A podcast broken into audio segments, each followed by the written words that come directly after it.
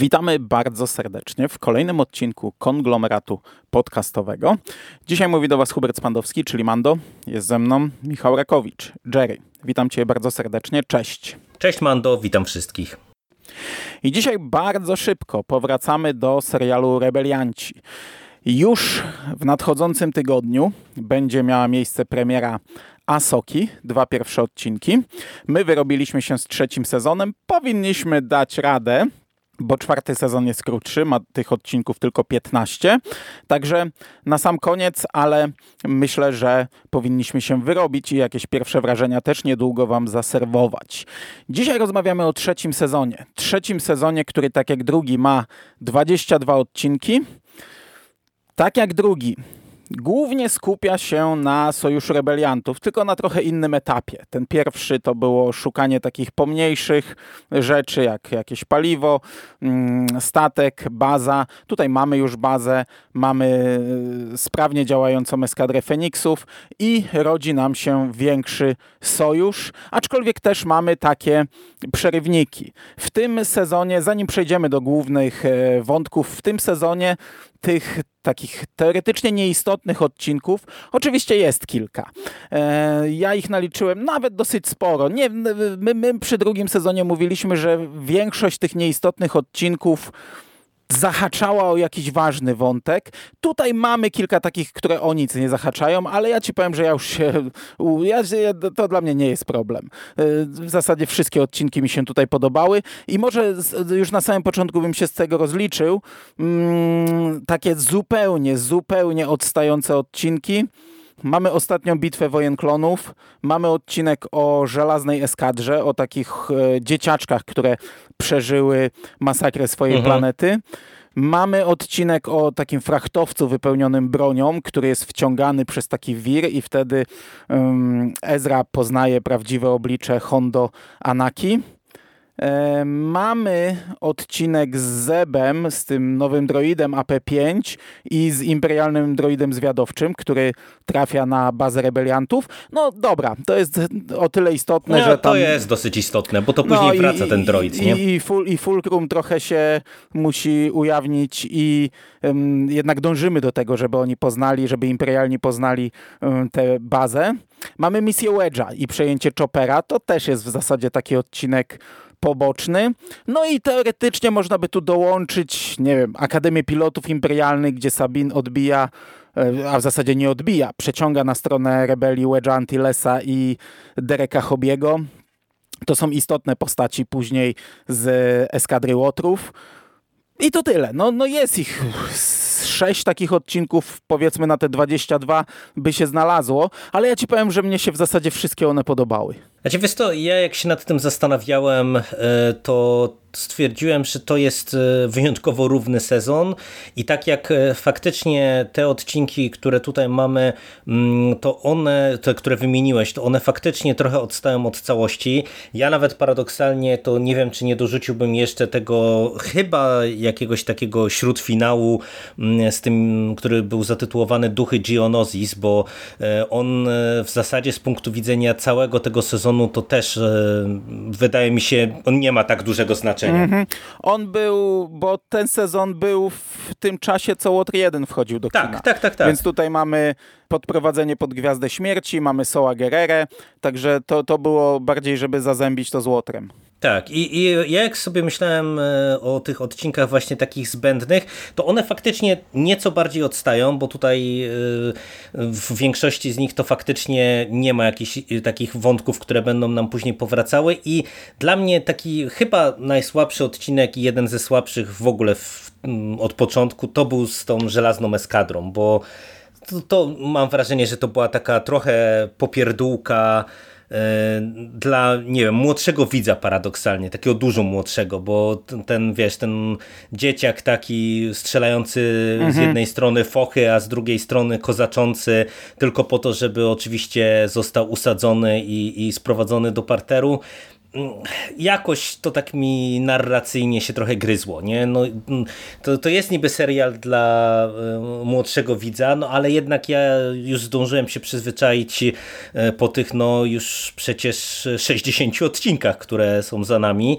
e, że jednak tutaj twórcy po prostu dobrze to piszą. A to mi trochę zgrzytało. Znaczy, dla mnie to było trochę takie też zestawienie Ezry z tym wszystkim, bo Ezrę mhm. poznaliśmy jako takiego właśnie chłopaczka i pokazanie, jak on dojrzał, że on e, no, potrafi teraz podejmować decyzje e, świadome i mądre i, i, jest zestawiony z tym gówniarzem i trochę tak na to patrzałem, ale tak zgadzam się. I trochę też myślałem, że ten komandor Sato tutaj zostanie, dostanie taką podbudowę, mm, że no, jest ostatnim członkiem rodziny, a ale, ale nie, no w finale do tego nie wracamy wątku.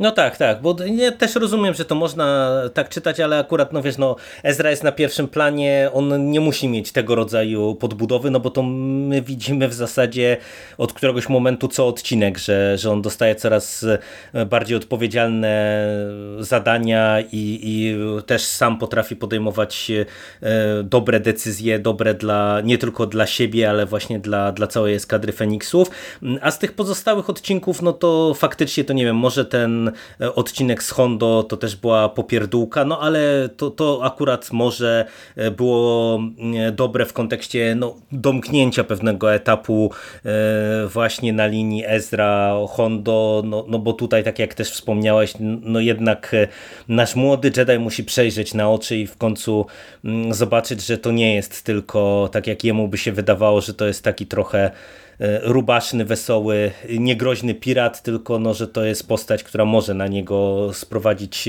e, kłopoty, bo w zasadzie pozostałe odcinki to, wiesz to, ja bym nawet nie powiedział, że one są niepotrzebne, nie? bo na przykład ten e, odcinek z Zebem i droidami, on jest świetny i mówię, on trochę służy za podbudowę innych wydarzeń, bo i wraca później ten droid zwiadowczy w odcinku bardzo ważnym z Mon i tam mamy ten wątek Fulcrum Ruma, e, to jest fajne. Ten odcinek z e, przejęciem e, Chopera, znów, no w teorii to nie ma jakichś tam większych konsekwencji, ale to też jest świetny odcinek. Czy mnie on bawił? Ja, ja wiesz, ja jestem młodszym bratem i duża część mojego życia polegała na wygraniu gry w tak, nie, tak, nie, tak, nie i tak dalej, nie? Jeszcze na studiach, jak, jak z siostrą studiowaliśmy, to znajomi się nabijali, że no w nieskończoność możemy to robić, a tutaj mamy ten żart między droidami, no bo Chopper dostaje swojego C-3PO i żart ogrywany od 40 paru lat w Gwiezdnych Wojnach, ale mnie on bawił. Ja, ja się chichrałem na tym odcinku do pewnego momentu. Znaczy wiesz, no, to jest jeden żart, ale e, dużo e, śmieszniejszy dla mnie był nawet ten drugi e, wątek, ten drugi running joke, running joke całego odcinka, czyli to, że gościu przeprogramował Chopera, nie wiedząc, że Chopper to jest po prostu kawał gnojka i nagle jak on tam zaczyna, wiesz, przepraszać, no, no. przynosić komuś kawkę i wszyscy, ale Chopper, co, co się z tobą stało, nie? To, to, to, to było przeurocze, nie? Że nagle mm, E, nikt nie kuma co się dzieje, bo droid zachowuje się jak droid, a nie jak e, członek e, załogi ducha, także, także to też był bardzo fajny odcinek. No i ten odcinek ma też przeuroczą końcówkę. Ona, ja już byłem przekonany, jak oglądając go myślałem, no przegięli, przegięli pałę, nie? Jak ten droid AP5 w przestrzeni no, no kosmicznej no, no, się odnajduje. Tak, tak, Jakieś tak, tak. stworki latające, on zaczyna śpiewać. No, no, no niepotrzebny to, to odcinek, prawda. a o nim gadamy, nie? Już trzy rzeczy fajne w nim znaleźliśmy, także no, to jest to nadal fajna rzecz. Tak, tak i wiesz, i, no mówię, w zasadzie o każdym z tych odcinków e, ja bym e, umiał i, i umiem powiedzieć coś e, ciekawego, coś interesującego, no bo wiesz, no ten odcinek z Wedge'em znów, to, to, to jest takie zapełnianie białych plam, którego pewnie nie potrzebujemy specjalnie, ale spoko odcinek, który też nam buduje dodatkowo Sabin, która no przecież dostaje tutaj osobny, dosyć duży wątek w końcu, no bo trochę przy mhm. dyskusji o drugim sezonie o tym rozmawialiśmy, że na etapie drugiego sezonu to była taka najbardziej tajemnicza postać, mm, co do której no nie wiedzieliśmy, jaką ona ma przeszłość i w jakim kierunku ona będzie prowadzona, no a tutaj no właśnie między innymi od tej misji ja mam wrażenie, że ten jej wątek jest mocniej sygnalizowany. No ona jest Także... tu, ma najbardziej rozwinięty wątek w tym sezonie, mhm. ale do tego jeszcze za chwilę. Jeszcze tak. ten jeden odcinek z ostatnią bitwą klonów, ostatnią bitwą z wojen klonów, mnie się on też podobał, chociaż to jest rzecz totalnie oderwana. Na, nasi bohaterowie wpadają na szalonego droida z okresu wojen klonów, który myśli, że cały czas trwa wojna i chce rozegrać ostatnią bitwę, która ma zdecydować o losach tej wojny. Kto ją wygra, ten wygra wojnę. I oni tu dochodzą do bardzo fajnej puenty, którą im wręcz w twarz rzuca Ezra, który nie przeżył wojen klonów. Oni wszyscy całe życie poświęcili walce i, i w sumie no, my wiemy, czym była ta wojna, kto pociągał za sznurki. Oni tutaj dostają to w twarz, że to, to, to wszystko w zasadzie nie miało sensu. Ta wojna nikt nie wygrał, więc skoro nikt nie wygrał, to kto ją wygrał? Takie, takie oczywistości, ale też bardzo fajne to było. Czy ten odcinek y, był trochę dziwny? Ale y, tak, ja się zgadzam, że on też jest y, interesujący i, i myślę, że to jest mm, też jeden z takich odcinków, które jeżeli się oglądało y, w momencie premiery i było się fanem Clone Warsów, no to myślę, że tutaj dodatkowe punkciki na pewno do tego odcinka muszą wlecieć, no bo mm, to, to jednak jest fajne gdzieś tam takie mrugnięcie okiem, mam wrażenie, właśnie do tych e, fanów e, starszego brata Rebelsów, e, no bo teoretycznie tutaj nie wracałem jakieś wątki z tamtego serialu, no ale jednak ten odcinek można i trzeba czytać jako pewną puentę.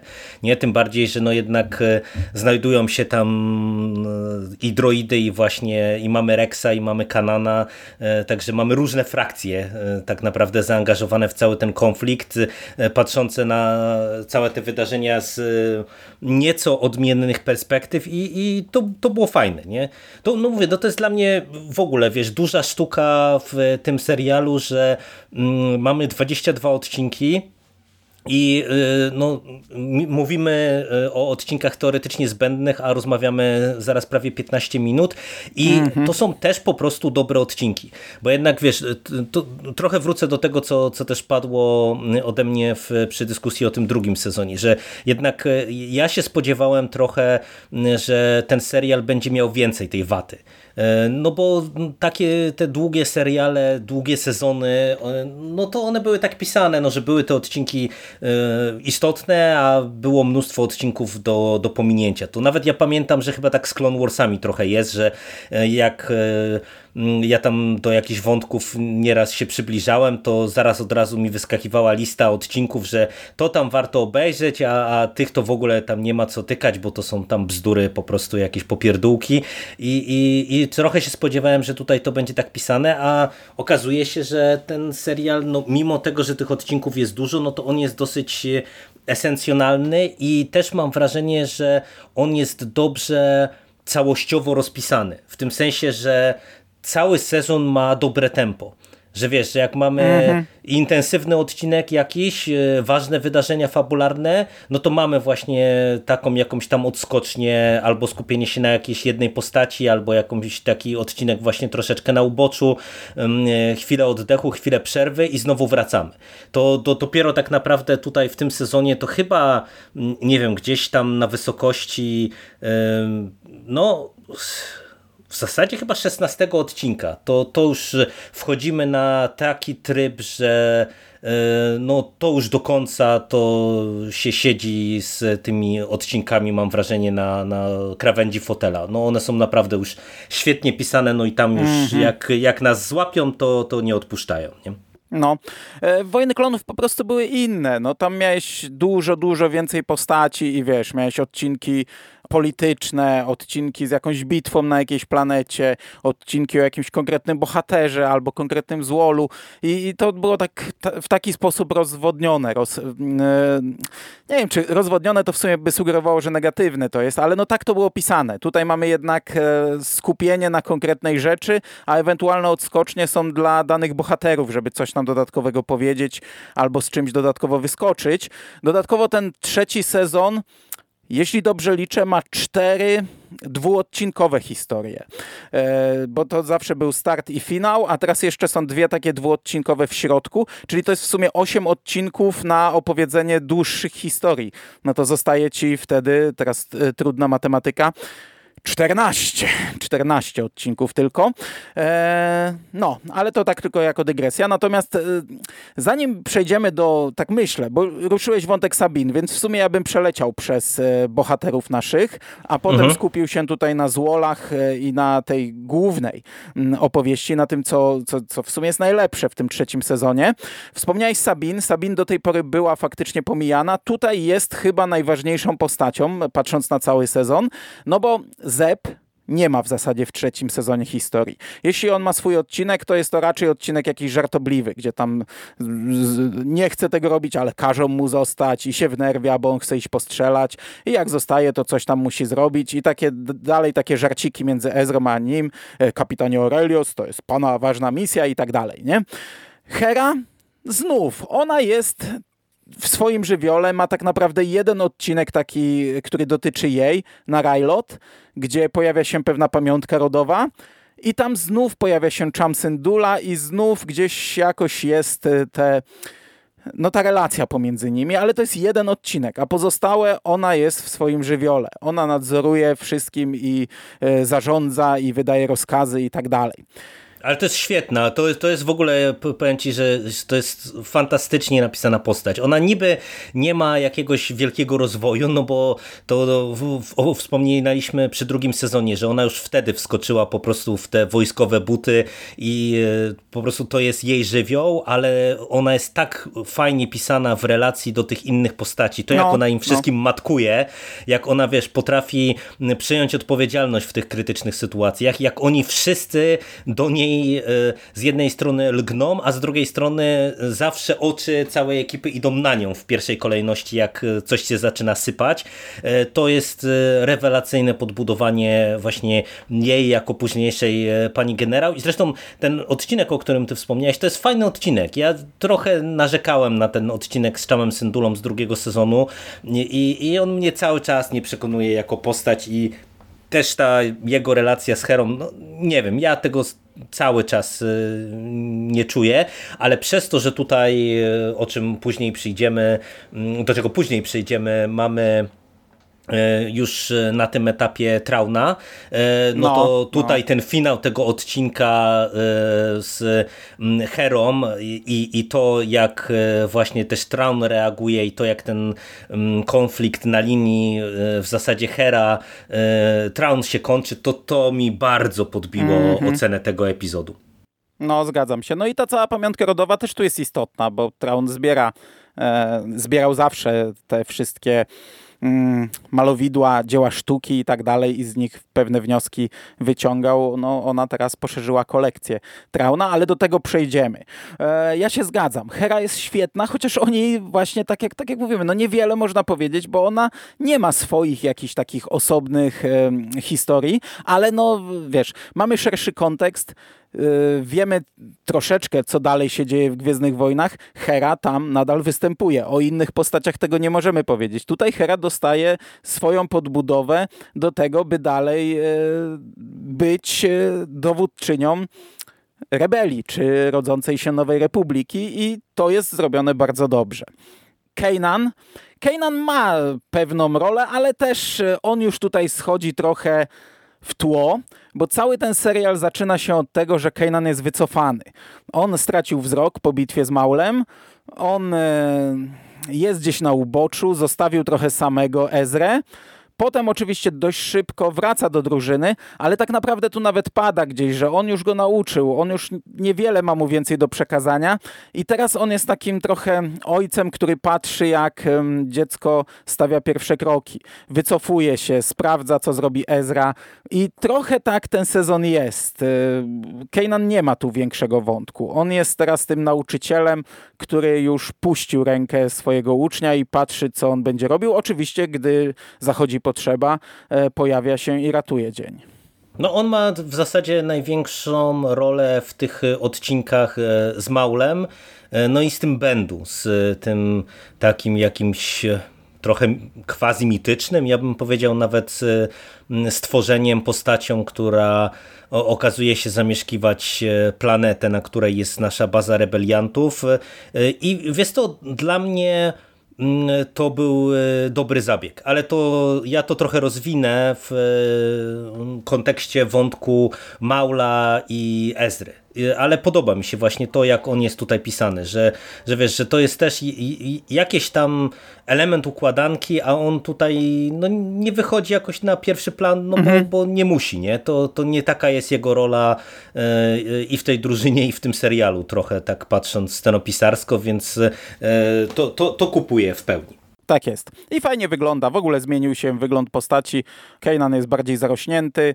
Mm, Sabin też troszeczkę inaczej wygląda, zaraz do Sabin przejdę. Ezra krótkie włosy i tak wizualnie już jest dojrzalszy. Nowy miecz ma zresztą zielony. E, Kanan ma tą opaskę na oczach, którą czasami nosi, czasami nie. Tak jak mówiłem przy drugim sezonie, Filoni tłumaczył, że to jest nawiązanie do Rexa, bo to są te symbole Rexa i z jednej strony to jest taki trochę szacunek yy, od Kejnana, z drugiej to jest wymuszone, bo postać musiała mieć gdzieś oczy, żeby się na tym skupić, yy, więc musieli jakieś tam znaki dać w tym miejscu. Natomiast została nam Ezra i Sabin.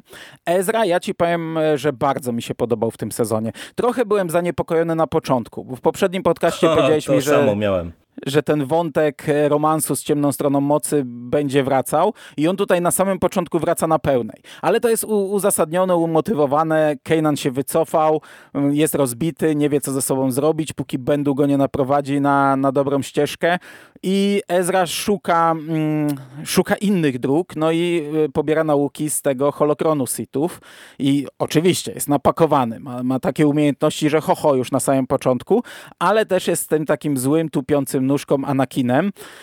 I ja się bardzo cieszę, że to urżnęli w e, pierwszym odcinku, że on tam przeszarżował, nie wyszło mu, posypało się, ten te pierwsze dwa odcinki to jest y, jedna wielka porażka Ezry. Kanan wkracza, ale Ezra y, rozumie swój błąd. Tutaj nie ma, że on jest zły, że coś. On rozumie, on wraca na ścieżkę, jaką trzeba. Y, jest bogatszy o pewne doświadczenia i w dalszej części sezonu, gdzie Maul wyraźnie mm, no, ma nadal zakusy, cały czas nazywa go uczniem, przyszłym uczniem i tak dalej, on już jest mądrzejszy. I on tutaj przez ten sezon właśnie, hmm, chociaż nie zapowiada tego absolutnie pierwszy odcinek, on tutaj jest takim już naprawdę dużo mądrzejszym Jedi, który oczywiście ma te swoje wstawki głupawe często, ma jakieś tam swoje żarciki, palnie coś wtedy, kiedy nie trzeba, ale kiedy trzeba, w większości zachowuje się normalnie i to jest e, bardzo dobrze spuentowane w, w tym wstępie do finału na Tatooine, gdzie on wtedy powiedzmy no, robi coś przeciwko, rozkazy ma inne, on się bardzo mocno wyłamuje, ale wraca. Wraca bogatszy, dużo bogatszy o pewne doświadczenia i jako trochę inna postać już pewnie.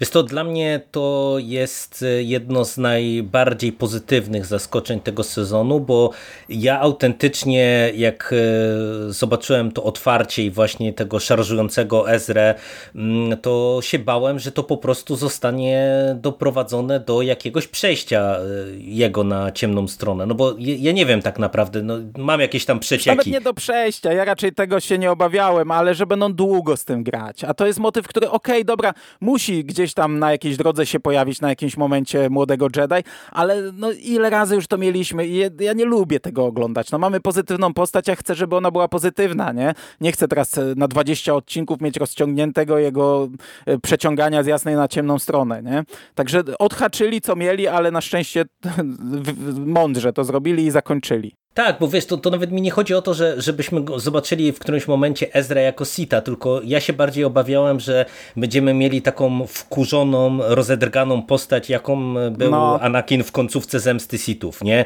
Gdzie, wiesz, tam y, było to właśnie takie miotanie się z, z fochy i tak dalej, i tak dalej i to by było absolutnie męczące. I trochę Ezra taki jest y, w tym y, pierwszym dwuodcinkowym segmencie, ale właśnie tak jak mówisz, to jest bardzo szybko ucięte i mm, ta jego postać się y, fajnie rozwija, bo on ma bardzo dużo relacji, bo to jest jedna z tych postaci, która jest przez cały sezon w centrum wydarzeń w zasadzie, poza pojedynczymi odcinkami e, dosłownie. I tu mi się szalenie podoba to, że wraca moment, e, taki motyw trochę jak z Szybkich i Wściekłych, czyli rodzina, rodzina, rodzina z jednej strony, gdzie oni wszyscy to trochę odmieniają od któregoś momentu przez przypadki e, i, i to jest e, fajne, jak Ezra się wpisuje w to wszystko, ale e, jeszcze ciekawsze jest to, że on na różnym etapie jakby podkreśla to, że tu go Hera nauczyła pilotażu, tu e, właśnie Kanan go e, przeszkolił, jeżeli chodzi o mm, moce Jedi, tu Sabin go uczyła też e, jakichś tam sztuczek i tak dalej, i tak dalej. I to jest też fajnie pokazane, że to, to, że on się robi jakby potężniejszą postacią, nie taką ważniejszą, która, która to, że się znajduje w centrum wydarzeń, mm, potrafi wykorzystać, że to się nie bierze z niczego, nie? tylko że ta cała załoga, rodzinka z ducha, e, że oni wszyscy też na to pracują. A do tego, wiesz, mm -hmm. mamy te właśnie odcinki, jak e, to, co wspomniałeś, tu z Eskadrą Żelaznych, tutaj mamy e, jakąś tam interakcję z Wedge'em, tutaj mamy później te interakcje z Mandalorianinami, ten odcinek z droidami, nie? mamy odcinek z Sołem Gererą. Wszystkie te odcinki w którymś momencie mają Ezrę w centrum, który y, no, dostaje pewną y, taką życiową naukę, a czasem y, i no, to może jest trochę ciut jakby przesadzone, nie? w tym sensie, że to, to trochę pokazuje, że to jest jednak serial trochę dla młodszego widza, że to Ezra bardzo często okazuje się tym głosem rozsądku w tych wszystkich odcinkach, nie? bo tak i w Duchach Geonosis tak było i, i w, tym, w tych odcinkach z Mandalorianinami i właśnie w tej ostatniej bitwie Wojen Klonów, to, to no tam zawsze Ezra gdzieś tam musi spuentować jakby całą sytuację, żeby dorośli się ogarnęli, mm, ale, ale to nie kole w oczy, nie? bo, bo to, to, to on przez to, że jest taką trochę postacią z boku tych wydarzeń, no to, to jest jakby trochę ogrywane w ten sposób, że on nie ma tych bag tego bagażu, który mają te inne postaci. Nie? No właśnie, on nie ma tego ciężaru z innych rozdziałów. Nie? Każdy z Dokładnie. nich coś ma, czy to Wojny Dokładnie. Klonów, czy, czy no, głównie Wojny Klonów, e, czy rodzące się Imperium. No on ma swój bagaż emocjonalny, ale ale jest tą postacią, tym, tym, tym głosem z boku czasami, tak jak właśnie to widać najbardziej przy tych wojnach klonów, gdzie Jedi, klony i droidy stoją naprzeciwko sobie, wszyscy mają wieloletni konflikt za sobą, on w tym nie uczestniczył, nie? Ale wiesz, ale w odcinku z Sołem, czy w odcinku z e, Mandalorianinami tak samo jest, nie? Gdzie ale e, też, on... No, on nie znał Geonosis, no. On no nie właśnie, znał właśnie, o to chodzi, nie? No. I też cały ten konflikt, na przykład to, że Soul się zachowuje w konkretny sposób, no to znów to jest odniesienie do, do przeszłości, przeszłości, e, która Ezry nie dotyczy, on patrzy z perspektywy dzisiejszej, nie? Tak jak wszystkie te konflikty Mandalorian pomiędzy sobą, no to dla niego jest to niezrozumiałe, no bo dla niego mm -hmm. konflikt jest, czy linia podziału jest jasna, nie? Jest Imperium i, i rebelia i, i, i to wszystko, nie? A nie tam jakieś wojny klanów po prostu jak dzieci w piaskownicy. Tak jest. No i właśnie, przechodzimy do Sabin. Ona jest tutaj najistotniejszą postacią, chociaż w pewnym momencie schodzi z planszy. Mm, tak jak powiedziałeś, najpierw dostaje swój odcinek z wyciągnięciem Wedge'a i Hobiego z Akademii Imperialnej. Potem mamy powrót na Concord Down i znów pojawia się Fenrau. E, I tam oczywiście dowiadujemy się pewnych rzeczy. Potem mamy odcinek, który jest skupiony w 99% na Maulu, i na y, tych sprawach sitowskich, i na Datomirze, i na holokronach i tak dalej, ale w nim pojawia się Mroczny Miecz. To oczywiście nie jest pierwsze pojawienie się Mrocznego Miecza, bo on już był w Wojnach Klonów, no ale my mamy już w tym momencie jeszcze dużo, dużo cięższy szerszy kontekst, bo Mroczny Miecz był w centrum innych seriali aktorskich. No i tutaj ten Mroczny Miecz wychodzi na scenę. Kolejne dwa odcinki o Mandalorze. Pierwszy trening e, Sabin, który jest bardzo fajnym odcinkiem, mhm, a potem powrót na Mandalorę i no i od tego momentu gdzieś tam zaczyna się e, zaangażowanie bardziej Sabiny w problem Mandalory. Oczywiście oni wracają w finale, ale na jakiś czas znika Sabin. Ja mam znaczy, mnie się ogólnie to podobało, ale ja mam problem, bo ja nigdy nie byłem fanem Mandalorian. E, gdy o Mandalorze nic nie wiedzieliśmy, gdy to raczkowało w legendach, ja nie rozumiałem tego fenomenu. E, gdy mm, Karin Travis zaczęła pisać e, swoje, swoją historię Mandalory, to a Jezu, przemilczmy. Wiem, znaczy są mega fani tego, rozumiem, fajnie mają. Ja nie byłem mega fanem. Potem Filoni miał miał z tym też problem. W sensie e, już w Wojnach Klonów ta Mandalora miała osobny, długi rozdział, długą historię. No tutaj teraz to wraca. Ja nie jestem tego fanem. Ja nadal widzę te problemy, które widzę teraz w serialach aktorskich, czyli e, jakieś wojny klanów, gdzie widzę trzy osoby na planecie z jednego klanu, cztery z drugiego i, i te, to ich przywiązanie do, do tych rytuałów, tradycji. Ja trochę nie rozumiem tych postaci. To jest akurat mój problem. Aczkolwiek e, w tym serialu i wtedy i teraz oglądało mi się to dobrze, bo tutaj jest duży bagaż emocjonalny. Gdy Sabin w końcu pęka pod koniec tego mm, rozdziału, tego odcinka z treningiem, to ja ci powiem, no o, zagrało gdzie trzeba u mnie. I to na razie jest, y, nie jest wątek, który dominuje tutaj.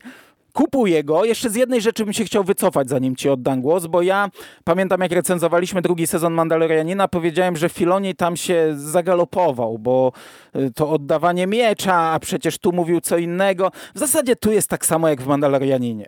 Teoretycznie trzeba miecz zdobyć w walce, praktycznie ten złol mandaloriański, teraz mi wywiało e, imię, ten, który pracuje dla klanu, mhm. który jest szefem klanu pracującego dla Imperium, on sobie ten miecz po prostu bierze. Czyli każdy zachowuje się jak chce. Teoretycznie jest jakaś zasada, ale praktycznie ona też oddaje matce miecz i matka ten miecz bierze, chociaż chwilę wcześniej jej mówi, ty nie jesteś właścicielką miecza, bo nie zdobyłaś go, a kodeks, wielki kodeks Mandalory mówi, że trzeba go zdobyć w walce. Czyli to to jest jak, jak który bohater, jak mu się zachce, tak, tak, tak mu się zachce. Czyli tak naprawdę w Mandalorianinie Filoni nie zaprzeczył sobie, a wtedy ja mówiłem, że trochę sobie zaprzeczył. Znaczy wiesz to, yy, dla mnie całościowo wątek Sabini jest e, bardzo fajny, dlatego że mm, on jest e, po prostu dobrze napisany w kontekście e, osobistym. Mi się bardzo podoba, że pomimo tego, że tutaj mm, dostajemy stopniowe zwiększenie skali, no bo mieliśmy ten pierwszy sezon w zasadzie o załodze ducha, drugi sezon o e, tworzeniu się e, rebelii w kontekście eskadry Feniksów, trzeci sezon to już jest tworzenie się rebelii jako sojuszu rebeliantów. I to jest fajne, ale to dobrze gra dlatego, że właśnie my mamy w centrum te postaci i te wszystkie ich wątki osobiste. Dla mnie właśnie to, co ty podkreśliłeś, ten odcinek ze szkoleniem mm, jest e, fantastyczny. Naprawdę. To on jest tak dobrze napisany, bo to, to ten, ten finał, w którym Sabin pęka, to jest e, rewelacyjne i to jest coś, czego ja się w sumie nie spodziewałem. Ja nie, nie wiedziałem, że to do tego e, będzie zmierzać, mm, ale wiesz, ale ten odcinek w ogóle jest cały właśnie dobrze napisany. Te, te decyzje Kanana, to jak właśnie Hera sugeruje czy podpowiada znowu pewne rozwiązania. E, super cała drużyna tutaj działa. Mm, natomiast jakby co do e, całego tego wątku Mandalorian, no to y, ja nie mam aż tak e, chłodnych odczuć jak ty, natomiast dla mnie to jest nadal problematyczne, ale dlatego, że ja nie tyle, że nie rozumiem fenomenu, co ja trochę właśnie nie ogarniam tych wszystkich zasad i, i to mnie trochę y, mierzi, nie? Bo, bo wiesz, bo jak widzę... No właśnie, nie, masz trzy osoby, które tworzą swój klan, no tak jak mamy w Mandalorianinie, nie? Nie ściągaj tak. hełmu, tak każe obyczaj, nie? Ja to no, rozumiem. Ja to rozumiem w ich kontekście, bo tutaj każdy, kto się odłączy gdzieś, tworzy swój nowy klan, który ma swoje zasady, my jesteśmy jedyni prawdziwi Mandalorianie i nasz y, kodeks jest naj, najistotniejszy, nie?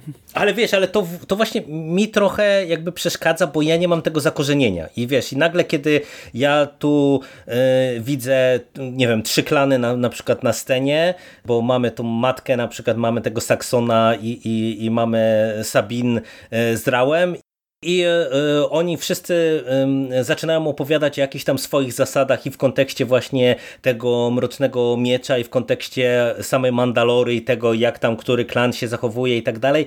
Ja, ja po prostu czuję i to jest paradoksalne, bo nawet tego poczucia nie miałem w przypadku wątku Maula, gdzie tutaj wiesz dostajemy mały wycinek całej jego historii, a mimo wszystko jego, jego decyzje rozumiałem i mi się podoba jak on jest prowadzony, a tutaj po prostu trochę, nie wiem, brakuje mi jakiegoś kontekstu i, i, albo może nie tyle mi nie brakuje tego kontekstu, tylko to jest właśnie może jakiś taki mm, konflikt, czy pewne pewien problem Mandalorian, który jest wpisany właśnie w e, tę grupę postaci, w tę nację, że oni właśnie tak trochę wszyscy sobie tam żyją po swojemu, no bo mi to przeszkadzało strasznie w Mandalorianinie, no a i tutaj trochę też to mamy, nie? I, i e, ty mówisz, że e, w Mando to było jednak tak samo, mi się wydaje, że jednak tutaj to jest e, mniej ostre, bo na przykład fajne są takie drobne smaczki, nie? jak na przykład to, jak wyjaśniają,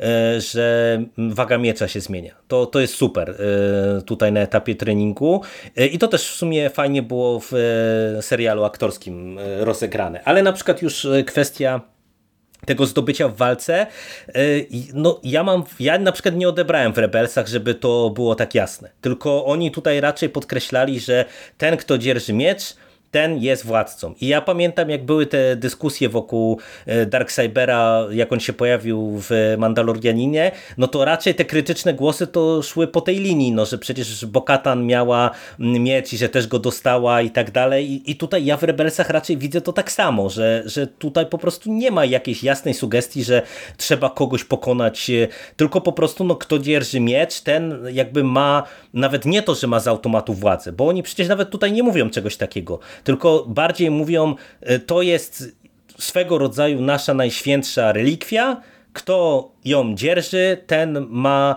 łatwiejszą drogę, aby zjednoczyć wszystkich Mandalorian, nie?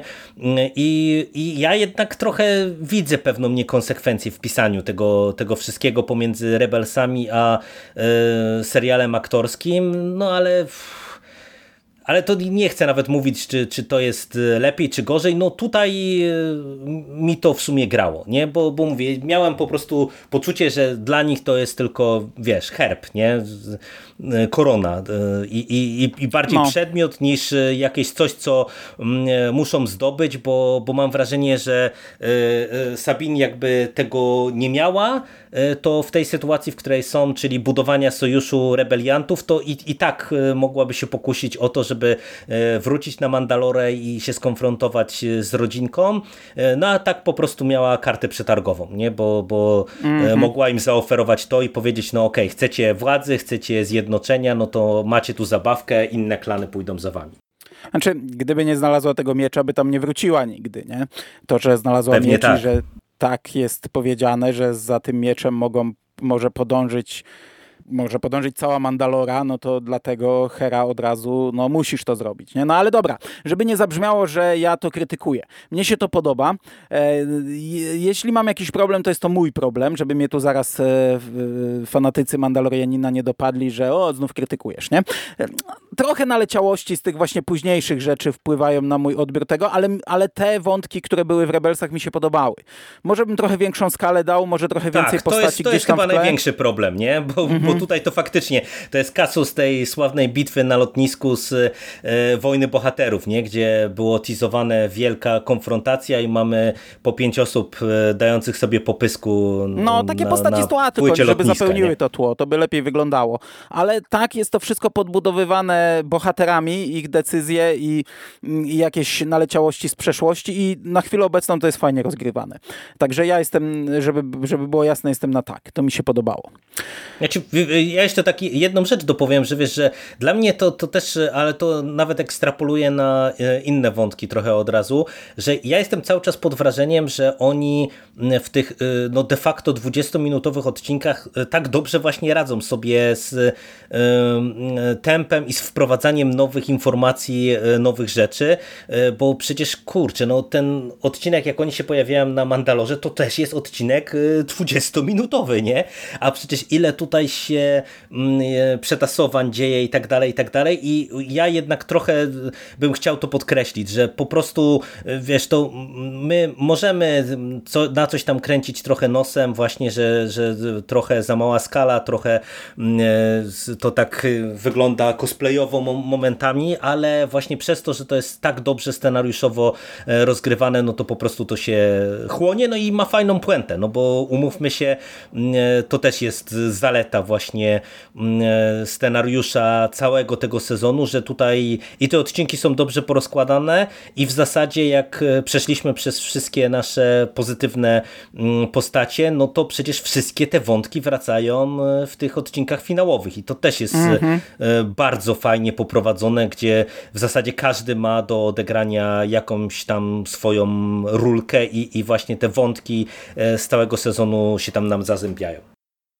Tak jest. Ale wiesz co, zanim bym przeszedł do dwóch złoli tego sezonu, to jeszcze bym jeden odcinek wyróżnił, bo on chyba nie wiąże się z tymi pozostałymi wątkami. Mówię tu o w zasadzie podprowadzeniu prawie pod finał odcinku 18 o Mon Mothma. Tak, to jest rewelacyjny bo tu odcinek. chyba nie ma nawiązania ani do Maula, ani do Trauna jakoś mocno, nie w ogóle, Traun jest tylko wspominany chyba, mm, ani do tych bohaterów. To jest odcinek, który ma się skupić na puencie, na przemówieniu Mon Mothmy, na przewiezieniu jej, na, mm, na, do, na dotarciu do punktu zbornego, na jej przemówieniu i, o i, i doprowadzić do tej iskry, która rozpali ogień rebelii. I to jest odcinek świetny. E, rozpisany bardzo dobrze. Na początku nie wiemy, czego to dotyczy. Mon Mothma mm, ma swoje przemówienie w Senacie, gdzie krytykuje imperatora. Od tej pory jest e, no, już strącona z, z tego stanowiska. No i nasi bohaterowie mają przewieźć pewien, pomóc przewieźć pewien tajemniczy ładunek. E, w trakcie, no, podczas wielu komplikacji dowiadujemy się, kim jest ten tajemniczy ładunek i to prowadzi do tego przemówienia i do tego pojawienia się statków. E, ja to przemówienie to słuchałem ze trzy razy, ci powiem. Cofałem sobie i przeglądałem. Fantastyczny odcinek. Nie, no to, to znów 20 e, minut i tu jest mnóstwo e, treści i mnóstwo fajnych patentów, bo wiesz, on się nawet e, tak niby niepozornie zaczyna, jak mamy znudzoną ekipę w duchu, która znów się przekomarza i, i mamy to pierwsze przemówienie właśnie, jak oni w Holonecie coś tam oglądają i mamy potyczkę z tym droidem zwiadowczym, ale już tutaj jest sporo fajnych właśnie interakcji i ich reakcji, chociażby właśnie na Mon Ale cały ten odcinek jest świetny i naprawdę, no to pojawienie się statków, to e, ja z młodym e, oglądam cały ten sezon, no to on się prawie, wiesz, wydarł e, na cały głos, nie? Jak te statki się tam zaczęły pojawiać, to, to robi, robi naprawdę wrażenie i całe to przemówienie jest świetne, ale to mm, gdzieś tam bliżej końca to do tego przejdziemy. No, dla mnie naprawdę tam od tego 16 odcinka to, to ten serial to jest petarda, nie? Naprawdę naprawdę tutaj co, co jeden odcinek to jest lepszy i,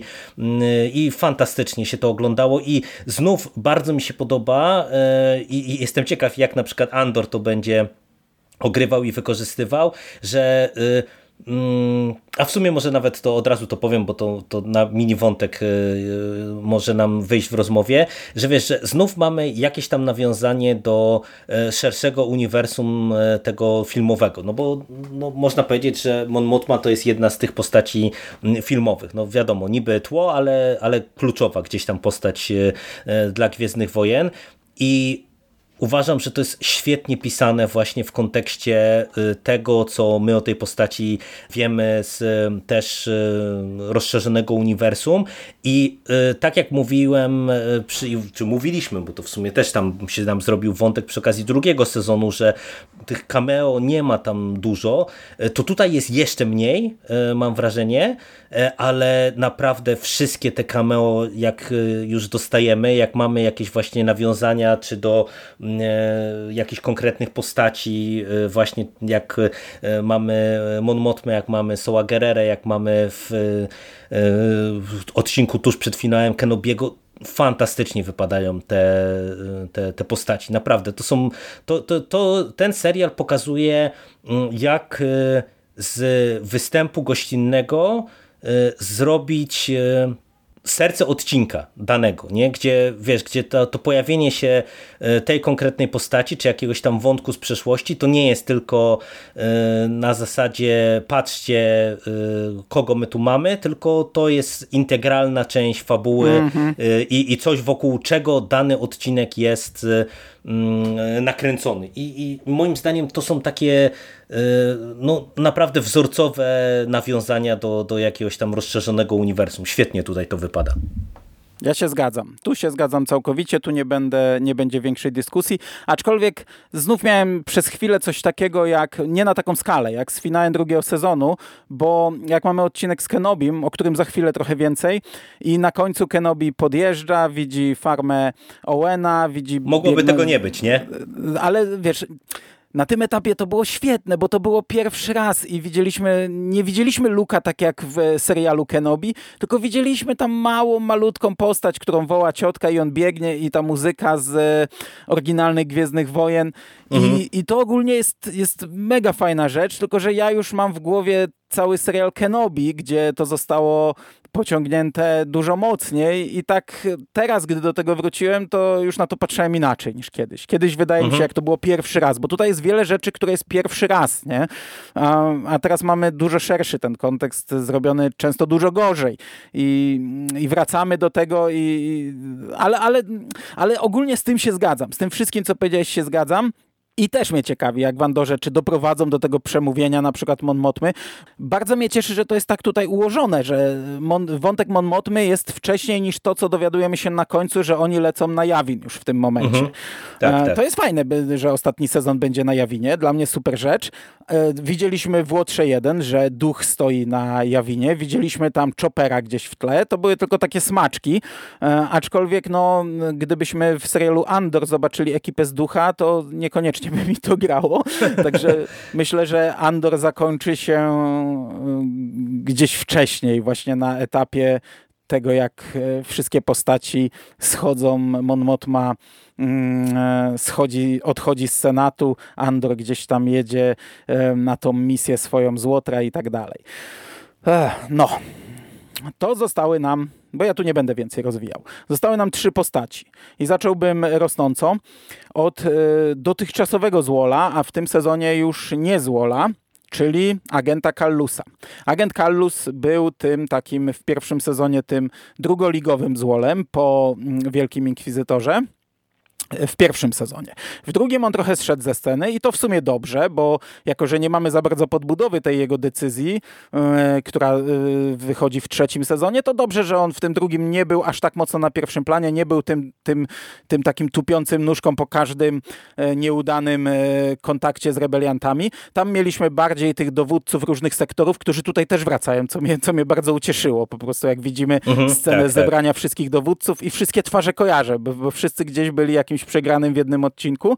No ale zmierzam do tego, że tu mamy najpierw zupełnie w, na początku taką jedną sytuację, gdzie e, agent Kallus e, pomaga e, naszym rebeliantom. I no mówi, to jest w odcinku z Sabin, nie? Z tego co mm -hmm. pamiętam. Pierwszy raz, kiedy... I mówi, o... powiedzcie Zebowi, że dług spłacony, czy coś takiego, czy a, jakie, jakieś takie zdanie pada. Mm -hmm, to jest tak, fajne. dokładnie. To jest, to, to jest coś fajnego. Natomiast e, już e, później e, dowiadujemy się, że agent Kallus jest nowym Falkrumem. I Reszta sezonu jest prowadzona na tej zasadzie, że on tam ich ostrzega, on próbuje zrobić co może, ale ma przeciwko sobie Trauna, który... E, który nie Traunuje. da sobie kaszę dmuchać i, i wyprzedza go o wiele kroków i no wie, że coś jest nie tak, nie? więc jego losy w Imperium są policzone. Ale mm, ten zwrot akcji, to przyznanie się, to ujawnienie się, e, jak ci się to podobało? Ja e, powiem otwarcie, że e, z jednej strony wiedziałem, że mm, e, w którymś momencie agent Kallus przechodzi na stronę rebelii, bo za dużo widziałem. A patrz, a próbowałem jakiś... to ukrywać, wydawało mi się, że źle ukrywam, bo, bo co gadaliśmy przez te dwa podcasty o Carlusie, to ja tam mówiłem, że on będzie miał większą rolę, ale ci nie powiem ale, jaką. Ale nie, nie, wiesz, to, to, to, to akurat ja się inaczej dowiedziałem, bo mi e, migało w którymś momencie bardzo dużo e, takich fanartów e, z Zebem i z Kalusem, więc już wiedziałem, że coś będzie na rzeczy, mm, ale absolutnie nie wiedziałem, że to on będzie będzie nowym e, Falkrumem, że, że to jest jakby niejako funkcja przechodnia i że ten wątek e, tego szpiega powróci. I naprawdę byłem w szoku, że to jest tak rozegrane. I to jest jeden dla mnie taki mały psztyczek e, w tym wątku, że tutaj Zep jak to wychodzi, to rzuca coś w stylu, że to ja chyba go przypadkowo zwerbowałem. Troszeczkę mi akurat y, y, brakuje tutaj tego mm, jakiegoś takiego odcinka pośredniego, y, że ja, ja wiem jakby dlaczego to jest tak zrobione, nie? bo nie byłoby tego efektu zaskoczenia, gdybyśmy my mieli jakąś podbudowę, gdybyśmy my zobaczyli, że na przykład, nie wiem, dochodzi do jakiegoś takiego mhm. zdarzenia granicznego, w którym uczestniczy Kalus. Znaczy, wydaje mi się, że gdzieś był taki odcinek, ale że to nam się rozciągnęło na rok to omawianie. W sensie nie aż tak odcinek, ale że gdzieś było jakieś, jakiś rozkaz i było zbliżenie na twarz e, Kalusa, który pierwszy raz pokazał, że e, nie do końca się zgadza z tym rozkazem, ale no, no ja wiem, to nadal jest powiedzmy za mało, nie? ale te, też rozumiem, no nie byłoby tego zaskoczenia, nie? Gdyby nam to bardziej podbudowało. Tak, tak i wiesz, i i mówię, ja tak to y, filmowo pod kątem właśnie tego efektu wow, to, to do, doceniam. Natomiast no, trochę mi tego brakuje, no bo y, wiesz, ja, ja, trochę nie rozumiem i nie wiem jak do tego doszło, że nagle on y, ma już kody i, i jest jakby w całych strukturach. Niemniej to jest świetny patent, bo Kalus jest tutaj bardzo fajny i przede wszystkim ten odcinek e, z końcówki sezonu, kiedy e, no, e, mamy taką w zasadzie ostateczną potyczkę, no bo, bo tutaj to, to jeszcze nie jest jakby finał tego wątku, ale mamy już tak, taką pętlę zaciskającą się wokół szpiega rebelii i kiedy się Ezra pojawia, żeby go wyciągnąć, ale wpadają na Trauna, to jest y, mała perełka. Dla mnie to jest no. tak świetnie rozegrany odcinek. On jest tak po prostu dobrze y, rozpisany. Y, no ja wiem, że to jest znowu mm, odcinek pisany w myśl tak, takiej tej klasycznej gwiezdnowojennej zasady, że jest prosta misja, która się zaczyna sypać i oni muszą coś rzeźbić na po prostu na poczekaniu jakieś tam nowe fortele i tak dalej, ale naprawdę doskonale to jest zaprezentowane. I tutaj znów mnóstwo mnóstwo fajnych patentów, bo y, i tam Traum walczący z tymi droidami, i Jularen, który nam się pojawia i te wszystkie rozmowy na przykład e, pomiędzy Kalusem, Jularenem, Traunem, które mm, no my już e, czytamy inaczej niż jeszcze postaci na przykład e, na, na tym etapie to, to widzą, nie? No bo to jest jeszcze przed ujawnieniem mm, kim jest Kalus. No doskonale i po prostu ta, ta końcówka to, to się siedzi naprawdę na krawędzi fotela, mm -hmm. jakby się oglądało jakiś nie wiem jaki thriller szpiegowski i, i jeszcze ta decyzja mm, Kalusa że on zostaje i on pomoże, a my już wiemy z kolei jako e, widzowie, że no niestety, ale biedaku jesteś w czarnej dupie, bo Traun już e, cię tutaj namierzył. No doskonale to jest wszystko poprowadzone i, i, i, też mi się bardzo podobało to, jak suma summarum zostało mm, to spuentowane, no bo e, Traun, do którego zaraz też przejdziemy, no on no, traunuje na pełnej, nie? Znów sztuka, e, szachy w czterech wymiarach, 10 kroków do przodu przed wszystkimi i tak dalej, i tak dalej. I e, powiem Ci, że nawet mi się podobało właśnie, że mm, Traun fajnie to rozegrał, nie? Że to, to była jedna z tych mhm. rzeczy, które mu się faktycznie udały, e, ale mm, że to nie było też tak wyciągnięte z kapelusza, nie? że nagle powiedział, że e, tutaj zacząłeś przypinkę nosić nie po tej stronie i już wiedziałem, że nie jesteś lojalny wobec Imperium, tylko że no, to, to właśnie był wątek zbudowany konsekwentnie, rozpisany mm, e, małymi no, kroczkami. No. Świetnie, świetnie poprowadzony, naprawdę fantastyczny wątek całościowy.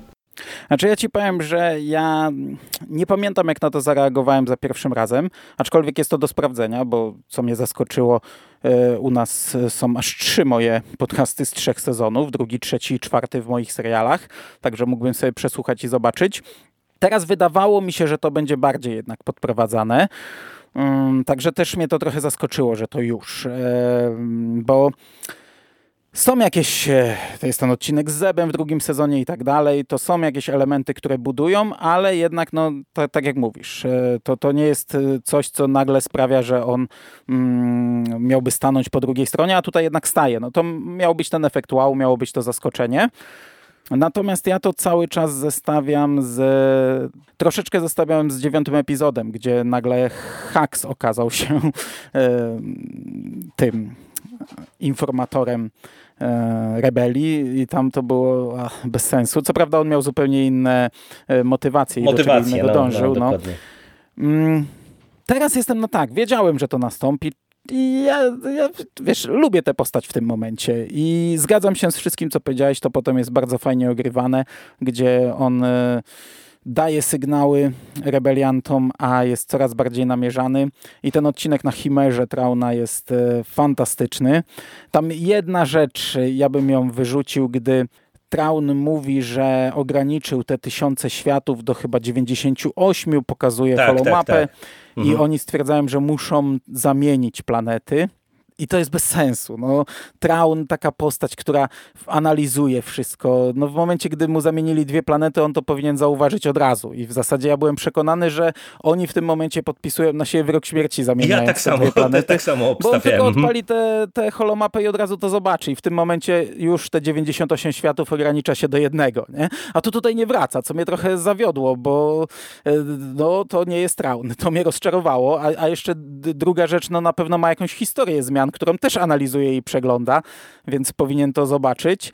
Mm, no i to nie powinno zagrać. No, koleś, który ma taką analizę w głowie, powinien y, tutaj to, to, to od razu zobaczyć, więc tego w ogóle nie powinni robić. Ja sobie pomyślałem, że może powinni mu, nie wiem, wykasować dane albo namieszać całkowicie, ale z drugiej strony to by jeszcze bardziej mm, rozbudziło w nim, że jest na najlepszej drodze i pewnie doprowadziło jeszcze szybciej do finału. Także to tam jeden taki, jedna taka pierdółka.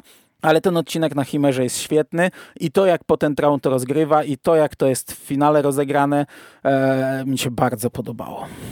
Tak, tak. Tym bardziej, że tam y, fajny jest też ten, y, czy w zasadzie ta seria takich dialogów z finału pomiędzy Kalusem y, i Traunem, szczególnie jak dochodzi do tego pierwszego ujawnienia, że Traun wie i tam pada coś takiego, że ach, jak przewidywalnie jesteś wyuczony tych wszystkich manewrów ze szkoły tam kadetów czy, czy czegoś i Kalus w tym momencie gra jak rebeliant, czyli tym, co ma i, i, i to jest fajne. Nie udaje mu się oczywiście e, wyrwać ze szponów Trauna, ale, ale to jest naprawdę ale fajny Ale udaje smaczek, mu się nie? nadać sygnał, co, co teoretycznie akurat pogrzebało ich, bo, e, bo bo ten sygnał e, wskazał e, no, dokładną lokację e, bazy rebeliantów.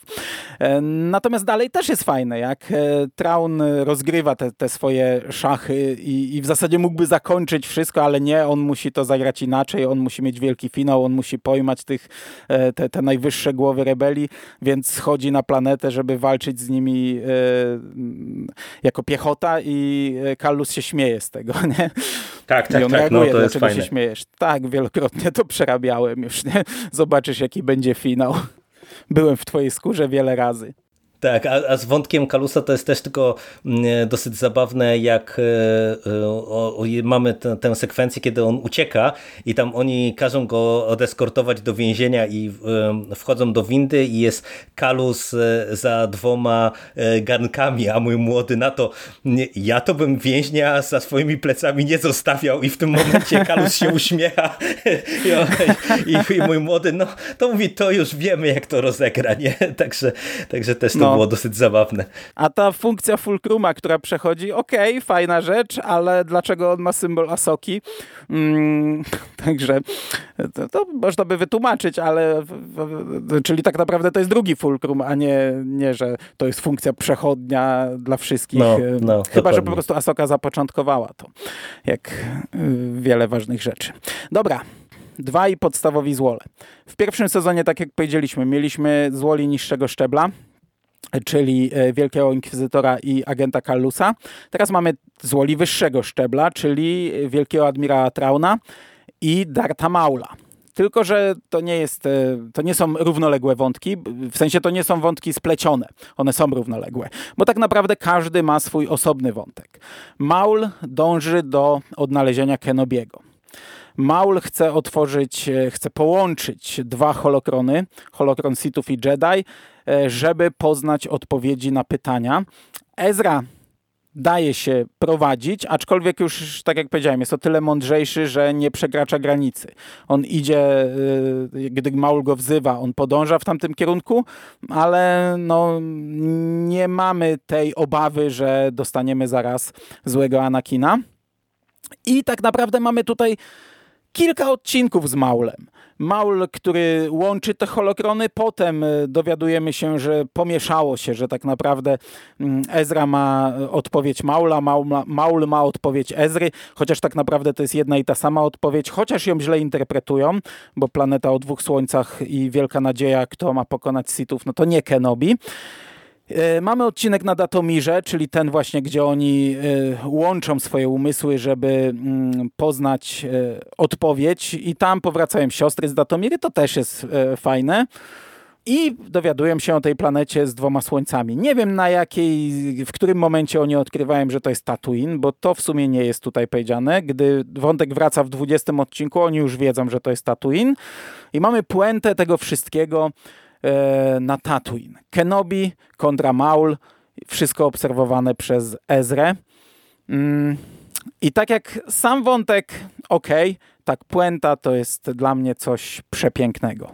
No, e, ja powiedziałem chwilę mm, wcześniej, że ja tutaj nie mam aż takiej podbudowy jak e, fani, którzy znają e, Clone Warsy i cały wątek Maula, ale y, ja uważam, że to jest naprawdę bardzo dobrze napisany mm, segment i rozpisany segment na te kilka odcinków, które tutaj dostajemy.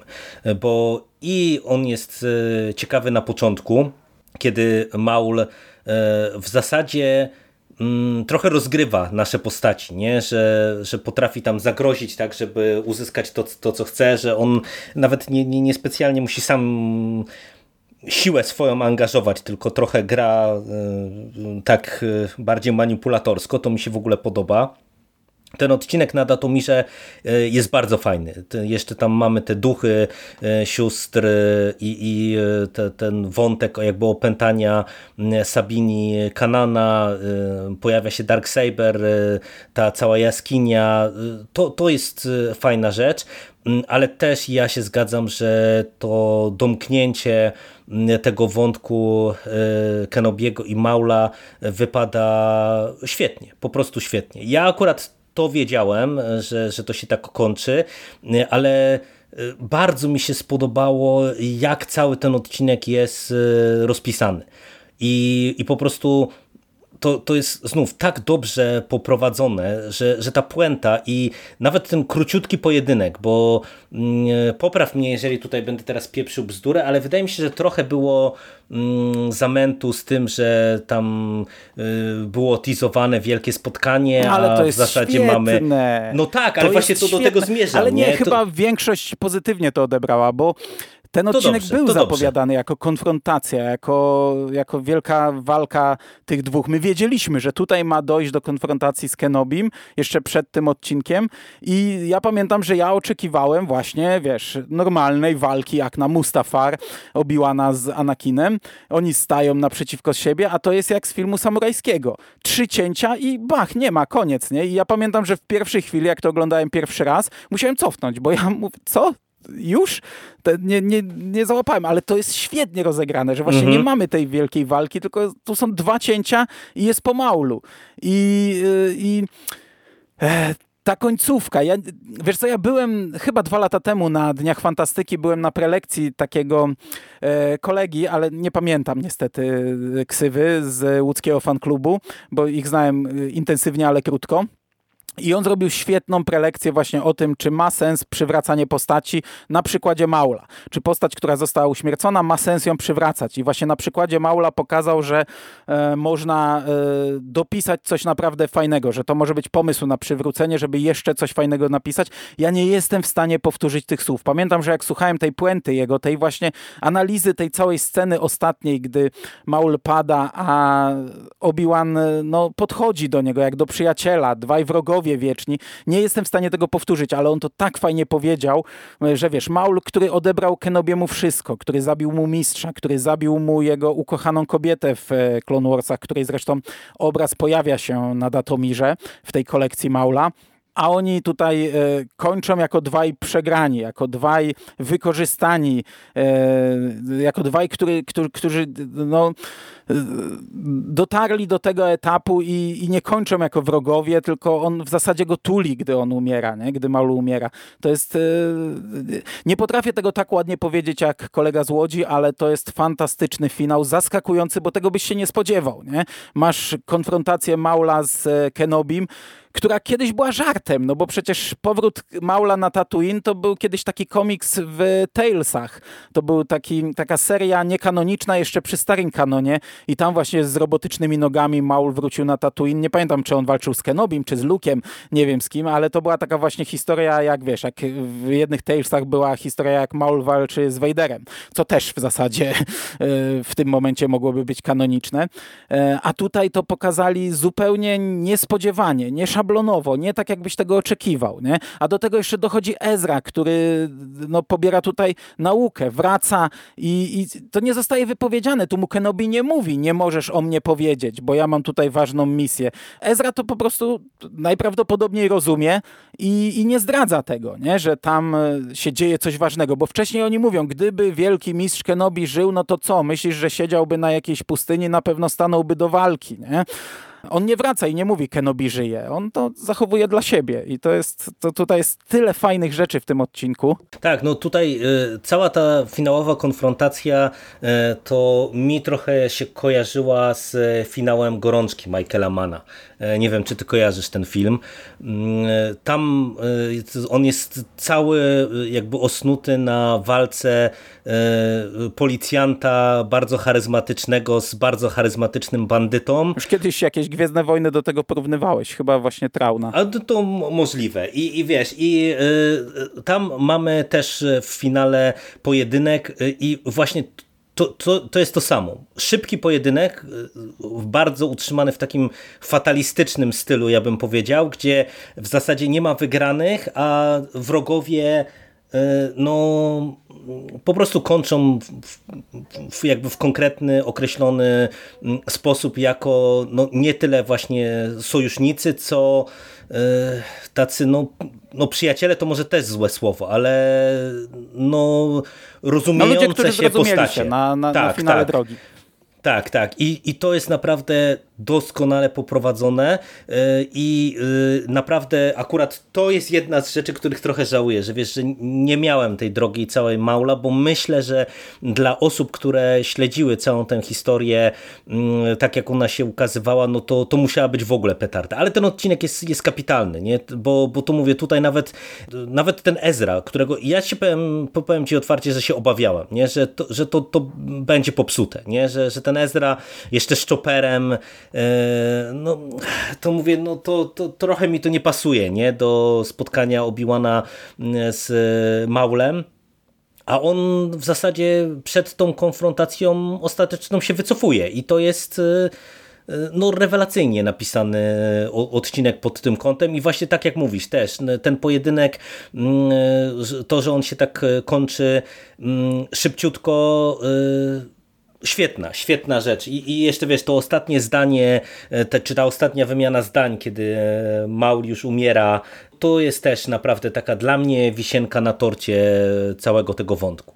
I, I wiesz, i się nawet zastanawiałem trochę, bo ja szczerze mówiąc myślałem, że to jest dopiero w ostatnim sezonie. Nie wiem dlaczego. Nie, nie spodziewałem się, że, że to kończymy cały ten wątek już tutaj.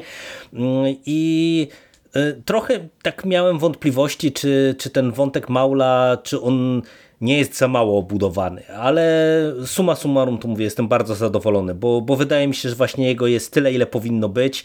On mhm. też jest na, na takim etapie swojej drogi, na jakiej już był w tym momencie, no, czyli no, w zasadzie wiesz, był przegrany. w Clone Warsach tam miał i brata, i, i te narodziny, i on przecież dowodził Mandalorą przez jakiś czas. On tam miał naprawdę długi wątek. A tutaj pojawia się w finale drugiego sezonu jako starzec, który chce jeszcze zrobić jedną rzecz. No i ją robi. No i tak, no i, i naprawdę to jest y, świetne, świetne spuentowanie całego tego wątku i mm, kurczę, jak to jest, to jest znów dobrze, dobrze zrobione no. i i, i wow, nie? To, to naprawdę, to takie powroty na Tatooine to mogę, mogę przyjąć. Nie? no, no. No, ja też jestem pod wrażeniem. A teraz jako przerywnik jeszcze y, przed ostatecznym wątkiem, bo o tym zapomniałem wcześniej i zapomnę potem, a to było właśnie z Maulem. W trzecim odcinku, na co też zwróciłeś uwagę, a ja zwracałem kilkakrotnie, mamy scenę z latającym Kainanem w przestrzeni kosmicznej i pamiętam po ósmym epizodzie, gdzie wszyscy pluli na scenę z Leją, ja mówiłem, że coś takiego przecież było w Gwiezdnych Wojnach już nawet na ekranie. No, Także tylko jako taki przerywnik e, zasugeruję, że mm, krytykujemy czasami rzeczy e, nowe. Fakt, że w, w, z Leją to trochę inaczej wyglądało, to bardziej tak baśniowo wyglądało, a tutaj to jest takie, takie dzikie skoki, ale z grubsza jest to to samo. Mhm, no tak, tak, tak. Ale to wiesz, to też mówimy o tym w zasadzie od początku, że rebelsi pod kątem zakorzenienia ich e, i wykorzystywania wątków e, z szerszego e, kanonu tego Expanded Universe to jest bardzo dobry serial i, i, i fajnie, że właśnie to, takie nieraz smaczki można tutaj odnaleźć. No dobrze, to na koniec przechodzimy do wielkiego admirała Trauna. I co istotne, ja nawet w konglomeracie jest jakieś, jakaś moja relacja, chyba pierwsza moja relacja ze Star Wars Celebration z 2016 roku, gdzie ja o tym mówiłem, że tam ogłoszono, że wielki admirał Traun powróci. Jakie były reakcje, jak ludzie wtedy wiwatowali. Bo to jest tak naprawdę pierwsze pojawienie się Trauna w nowym kanonie. W starym kanonie mieliśmy tą mm, przez wielu wielbioną y, doprowadzoną do, do, do stanu bóstwa trylogię Trauna Timothy'ego Zana. E, w nowym kanonie e, z Trauna wprowadzili rebelsi. No, równolegle wychodziła ta pierwsza trylogia nowokanoniczna, potem powstała jeszcze druga trylogia. Ale tutaj to jest e, pierwszy raz Traun w oficjalnym kanonie. Tym, który oficjalnie funkcjonuje od już prawie 10 lat. I ten Traun jest tutaj fantastyczny dla mnie. To jest traun traunowy, ale nie przekombinowany. Nie, nie przegięli chyba, że on aż tak wszystko e, przewiduje. On tutaj bardzo fajnie to wszystko ustawia. Właśnie tak jak powiedziałeś, ten odcinek na Rylot, gdzie Hera wysadza dom i on widzi, jak oni odlatują, może ich zatrzymać, może ich zestrzelić, ale to jest pierwszy element układanki. Ci wszyscy głupi e, dowódcy imperialni, którzy są tam wkoło niego, nie rozumieją, czemu on to robi, a on poznaje wroga, on mm, układa swoje klocki na planszy po to, żeby doprowadzić to wszystko e, do finału. Dla mnie ten Traun, e, przynajmniej tak w którymś momencie wydawał się nieco inny niż właśnie w tej e, nowej trylogii, e, bo jednak tutaj on jest bardzo mocno proimperialny. A to o tym gadaliśmy trochę, że ta, ta nowa trylogia Zana, ta, ta pierwsza nowokanoniczna, no to ona e, trochę się starała tak to wszystko napisać, żeby Traun w zasadzie nie był skonfrontowany z e, rebeliantami, tak żeby go trochę zrobić bardziej taką pozytywną, mam wrażenie, postacią. Nie? I on tam, jak prowadził rozgrywki, to raczej to były wszystkie takie rozgrywki właśnie wewnątrzimperialne e, i tak dalej, i tak dalej. Niby e, cały czas właśnie bardzo wierny imperatorowi, ale, e, ale to, to, to nie była taka postać, No tutaj która... też to pada, nie? W którymś momencie, że dla imperatora. Tak, w końcówce. Mhm. Tak, no to tak, też tak. taka prawda, że tutaj jest na późniejszym etapie, nie? Tu jest wielkim admirałem. No tam w końcówce też chyba był tej trylogii już wyżej niż w pierwszym tomie. E, no ale dobra, zgadzam się z tym, co mówisz. Tak, i wiesz, to mi troszeczkę jakby zgrzytało, no bo y, ja jednak właśnie mając w, w, pamięci tę nową trylogię, no to trochę go traktowałem jako taką postać bardziej ambiwalentną, nie? która y, tak y, oczywiście jest tutaj szychą w Imperium, tak tutaj robi różne rzeczy i te swoje machinacje na, na rzecz Imperatora, ale jednak y, tam w kilku momentach miałem takie że już się zbliżamy do granicy, żeby on się stał takim karykaturalnym złolem, ale właśnie to mówiąc, mm, uważam, że to jest y, bardzo dobrze poprowadzony wątek całościowo, bo, bo ten wątek trzeba rozpatrzyć mimo wszystko wydaje mi się całościowo, żeby go docenić, bo tak jak mówisz, tutaj mamy z jednej strony wszystkie te elementy, z których Traun jest znany, czyli właśnie to jego zamiłowanie do sztuki, e, te jego relacje z podwładnymi, którym musi wyjaśniać, jak bardzo nie rozumieją jego planów e, w różnych miejscach. I te, te szachy 3D z rebelią, i to poznawanie wrogów i te kwestie taktyki, nie? gdzie on tam tutaj ktoś tylko zrobi jeden manewr, a on już rzuca e, jaki manewr dana postać zastosowała i tak dalej, i tak dalej. No, no, no, który to, to są... walki wybierze? Tak, tak, tak. I to są, wiesz, to są takie elementy y, bardzo kojarzone z Traunem, ale one są właśnie bardzo dobrze y, zaimplementowane tak, żeby tego nie przegiąć. To też widać właśnie w tym wątku y, szpiega, nie? że tutaj widać faktyczną rywalizację. Tak, takie, wiesz, takie realne działania i że to nie jest tak, że mamy genialny, e, genialnego stratega, który widzi wszystko pięć kroków do przodu, tylko to, że w końcu Kalus wpada w jego sidła, to jest e, no, długa droga też przed Traunem, który właśnie krok po kroku pewną intrygę prowadzi, żeby tego szpiega zdemaskować. Nie? I trochę tak jest z, z tym polowaniem na bazę rebelii, i to mi się całościowo e, bardzo e, spodobało, to jak tutaj jest prowadzone. I trochę przechodząc do finału, bo o nim zaraz jeszcze sobie więcej pewnie porozmawiamy, nawet e, ja się zastanawiałem, wiesz, jak doprowadzą do porażki Traun. No bo to jest zawsze taka no. rzecz, która jest też dyskusyjna, nie? Bo e, no, no jednak to jest, wiesz, ten wielki stratek i, i osoba myśląca 10 mm, kroków do przodu, więc jak on nagle miałby dostać znowu ostro w dupę, jak nie przymierzając wielki inkwizytor e, w finale pierwszego sezonu ograny w, jak dziecko, no to to by się gryzło. I dla mnie fantastycznym zabiegiem w finale, czy takim podwójnym zabiegiem jest to, że Traun w zasadzie y, no nie dość, że można powiedzieć, że w pełni nie przegrał, no bo jednak zadał rebelii potężny cios, y, to to, że ostatecznie nie dochodzi do jego takiego pełnego triumfu, to są rzeczy y, od niego niezależne, bo mamy tutaj dwa błędy. Mamy to, że y, głupi imperialny y, łamie wyraźne jego rozkazy, co suma summarum będzie miało dla właśnie tej strony imperialnej bardzo potężne konsekwencje. A druga rzecz, i to dla mnie też jest być może malutki zgrzyt, ale całościowo to jest też fantastyczne. To jest ten Bendu jako ta Deus Ex Machina na powierzchni, bo to jest rzecz, która dla mnie mówię, jest, jest może nazbyt taką, wiesz, taką postacią, która po prostu nagle ratuje dzień rebeliantom, ale przez to, że to jest e, ten mityczny stwór, który miał też swój wątek, miał swoją relację z Kananem przede wszystkim, i to, że on się nagle pojawia w finale i ratuje dzień, ale też ratuje w taki nieoczywisty sposób, bo on w zasadzie przecież wywala wszystkich z tej planety. No nie? tak, on, on, no, on, nawet tam niszczy statki, strzela tak, również tak. tymi piorunami, bo on jest cały czas ponad to. On nie tak, staje tak. po żadnej stronie. On jest zły, że ściągnięto wojnę na jego planetę.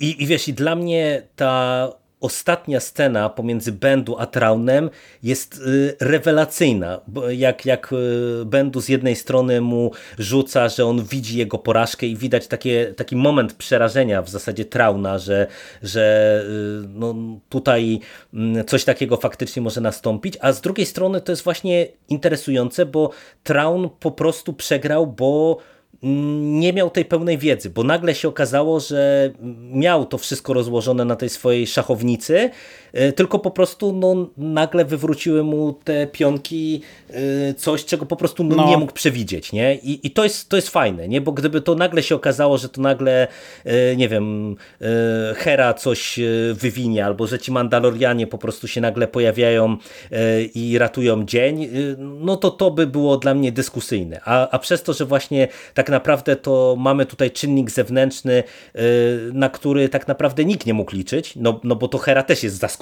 przecież i, i cały sojusz, że, y, że taka postać tutaj się pojawia, y, no to to jest mimo wszystko fajne zagranie w kontekście tego finału i wątku Trauna. Także no, też całościowo naprawdę bardzo mi się podoba ta postać, no i ona ma tutaj naprawdę kilka fantastycznych takich epizodów. No to, to ten wątek z Herą, wątek z Kalusem, yy, właśnie ta scena z Bendu, rewelacja. No, takie drobiazgi nawet też. To, że ogranicza te planety na podstawie analizy lotów nadprzestrzennych nie? I, mhm. i, i coraz bardziej zawęża, to też jest fajne. E, ja, się, ja się w zasadzie całkowicie w zgadzam. I wiesz, mhm. te smaczki, nie? że te, te TIE Defendery... Że widzą tą walkę z tymi droidami e, i wtedy mamy uzasadnione, dlaczego on tak walczy, jeśli ktoś nie zna Trauna, tylko do tego serialu się ogranicza. No dużo tu jest takich, takich tak, fajnych tak, smaczków. Tak. Ci, ci imperialni go nie rozumieją, tylko ci imperialni imperialni są debilami, nie? Jak to większość imperialnych niestety w Gwiezdnych Wojnach, mm, a w zestawieniu z Traunem to już w ogóle. A, a wiesz, a ty, tak, teraz tak sobie pomyślałem, że mówiliśmy, że ten odcinek z Mon Motmą trochę był na uboczu, a przecież tam się m, mamy starcie z tymi TIE Defenderami właśnie po raz pierwszy y, y, Trauna i to też y, w sumie mi się przypomniało, to było tak rewelacyjnie y, pod kątem animacji też zrobione. Ten finał, mm -hmm. jak oni tam wlatują w gwiazdę, y, żeby ostatecznie to rozstrzygnąć na swoją stronę. Super rzecz i znów, i to są właśnie takie te fajne smaczki, które mi się podobają w kontekście mm, e, e, szerszego e, uniwersum, nie? Że, że Traun lata chimerą, że mamy ten wątek TIE Defenderów, że mamy ten, ten, ten, mm, to urządzenie z tą studnią grawitacyjną do wyciągania z, z nadprzestrzeni. No te no, interdiktory, no. Tak, tak, no dużo, dużo naprawdę właśnie, tak jak mówisz, fajnych smaczków. Mhm. Ja pamiętałem, że to Bendu jako wielka burza zakończy to, więc to akurat przy tym seansie nie było dla mnie zaskoczeniem, aczkolwiek całej potyczki, całą potyczkę pamiętałem dużo mniej. Mm, I okej, okay, fajnie, że ten głupi imperialny zrobił swoje, to było coś, na co Traun nie miał wpływu, Natomiast no, miałem taki moment, jak oni, jak oni strzelają w tę bazę i już ta osłona pada i pada i w zasadzie no już wygrana, koniec, nie? A on nie, kończymy. Finał będzie rozegrany inaczej. To tak sobie pomyślałem na samym początku, no głupie to, no to tak no, pod no, scenariusz, że przegrać. Tym, tym ale bardziej, że on tam strony... nawet rzucał, że przecież nie musi być jeńców, nie? Że tam no, ale wiesz, ale z drugiej strony sojusz. mówi fajnie, jeżeli cała, całe dowództwo rebelii zostanie schwytane. To on nie podejrzewał, że nie zostaną, bo jego plan zakładał schwytanie i gdyby nie pojawił się Bendu, jego plan zostałby doprowadzony do finału i miałby publiczną egzekucję, publiczny sąd na um, całym dowództwie rebelii, um, te, tego odłamu, no bo, no bo nie wszystkich. Więc okej, okay, ja to kupuję, że on miał to wykalkulowane, że to zejście na planetę to przyniesie mikrostraty dodatkowe, ale zysk będzie większy. E, natomiast Bendu no jest Deus Ex Machiną, ale tak jak mówisz, no był postacią, był gdzieś postacią z tła, którą znał tylko mm, Kanan, także to jest zaskoczenie dla wszystkich i to jest fajne, że to jest coś spoza planszy, że nagle na tym e, wygranym już meczu przez e, Trauna pojawia się nagle coś, czego absolutnie nikt nie mógł przewidzieć i, i przegrywa tylko dzięki temu. Także to jest bardzo fajne, a, a Rebelia no poniosła i tak gigantyczne straty, także jakaś to wygrana jest, tylko taka w oczach Trauna zerowa, a w oczach innych połowiczna. Także mnie się ten finał podobał. Bardzo tak, no, a, a, tutaj jest, wiesz, tu, tu naprawdę on jest przede wszystkim mega emocjonujący yy, i w fajny sposób też poprowadzony, jak na przykład, wiesz, mamy yy, cały, całą tę rozgrywkę, żeby yy, krążowniki y, weszły do gry i w tym momencie mamy poświęcenie Sato, to ci powiem, że też aż mnie zmroziło. Z młodym to oglądaliśmy, to się też kurde tak za głowę żeśmy złapali, że to idzie no, w takim takie rzeczy też były w Gwiezdnych Wojnach, nie? No były, no ale... mamy Hondo, nie? W, no. w ósmym epizodzie chociażby, nie?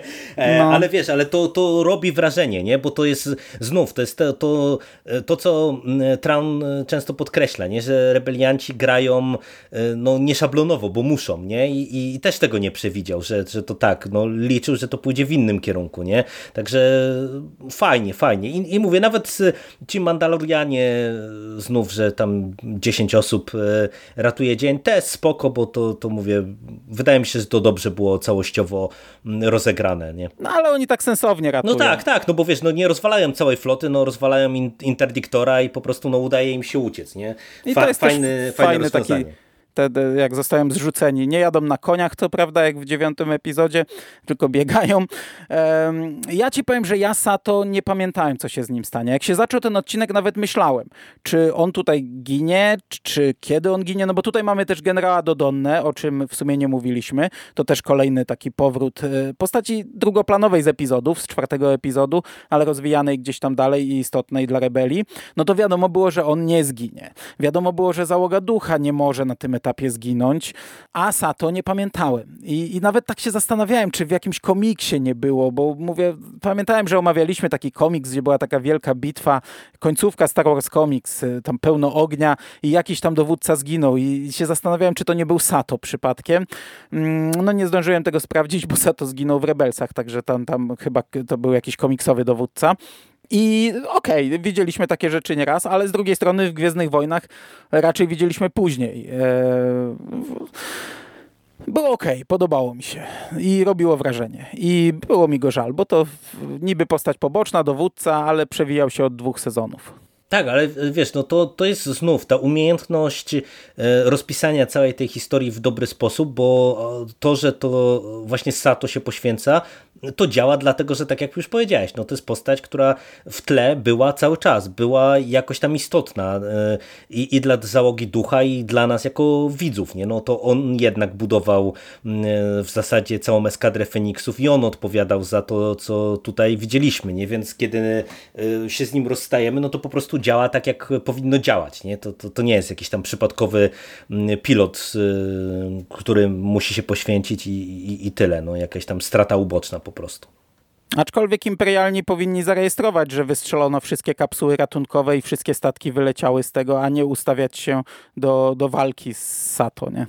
No, to, to prawda, to prawda. No ale to wiesz, to głupi imperialny właśnie tam dowodził. No, ale aż za głupi. E, a, a ambicjonalnie podszedł do tematu i dał się sfrajerzyć. No, bywa. No. No dobra. No to to chyba wszystko. Chyba wszystko. Chyba wszystko. Jak coś nam się przypomni, to najwyżej e, pewnie się za kilka dni spotkamy przy okazji czwartego sezonu, no to, to, to wtedy ewentualnie jeszcze coś dopowiemy, ale wydaje mi się, że całościowo e, główne wątki poruszyliśmy. No dobry sezon. Tak jest. Mnie się bardzo ten sezon podobał. Ja nie słuchałem odcinków e, podsłuchanych. Oni też robili e, przegląd całego serialu przed Asoką. Przeczytałem tylko ich wpis na Facebooku, gdzie napisali, że w trzecim sezonie są najlepsze i najgorsze odcinki tego serialu. No nie mogę tu wejść w dyskusję, bo, bo nie wiem, które według nich są najgorsze i dlaczego. E, mogę tylko powiedzieć, że ja tak nie odczuwam. Dla mnie tutaj nie ma najgorszych odcinków i w ogóle w tym serialu ciężko mi wskazać odcinki niepotrzebne albo, znaczy niepotrzebne to może tak, ale żeby one były złe, bo te, które są niepotrzebne i tak są dobre i tak jest w trzecim sezonie.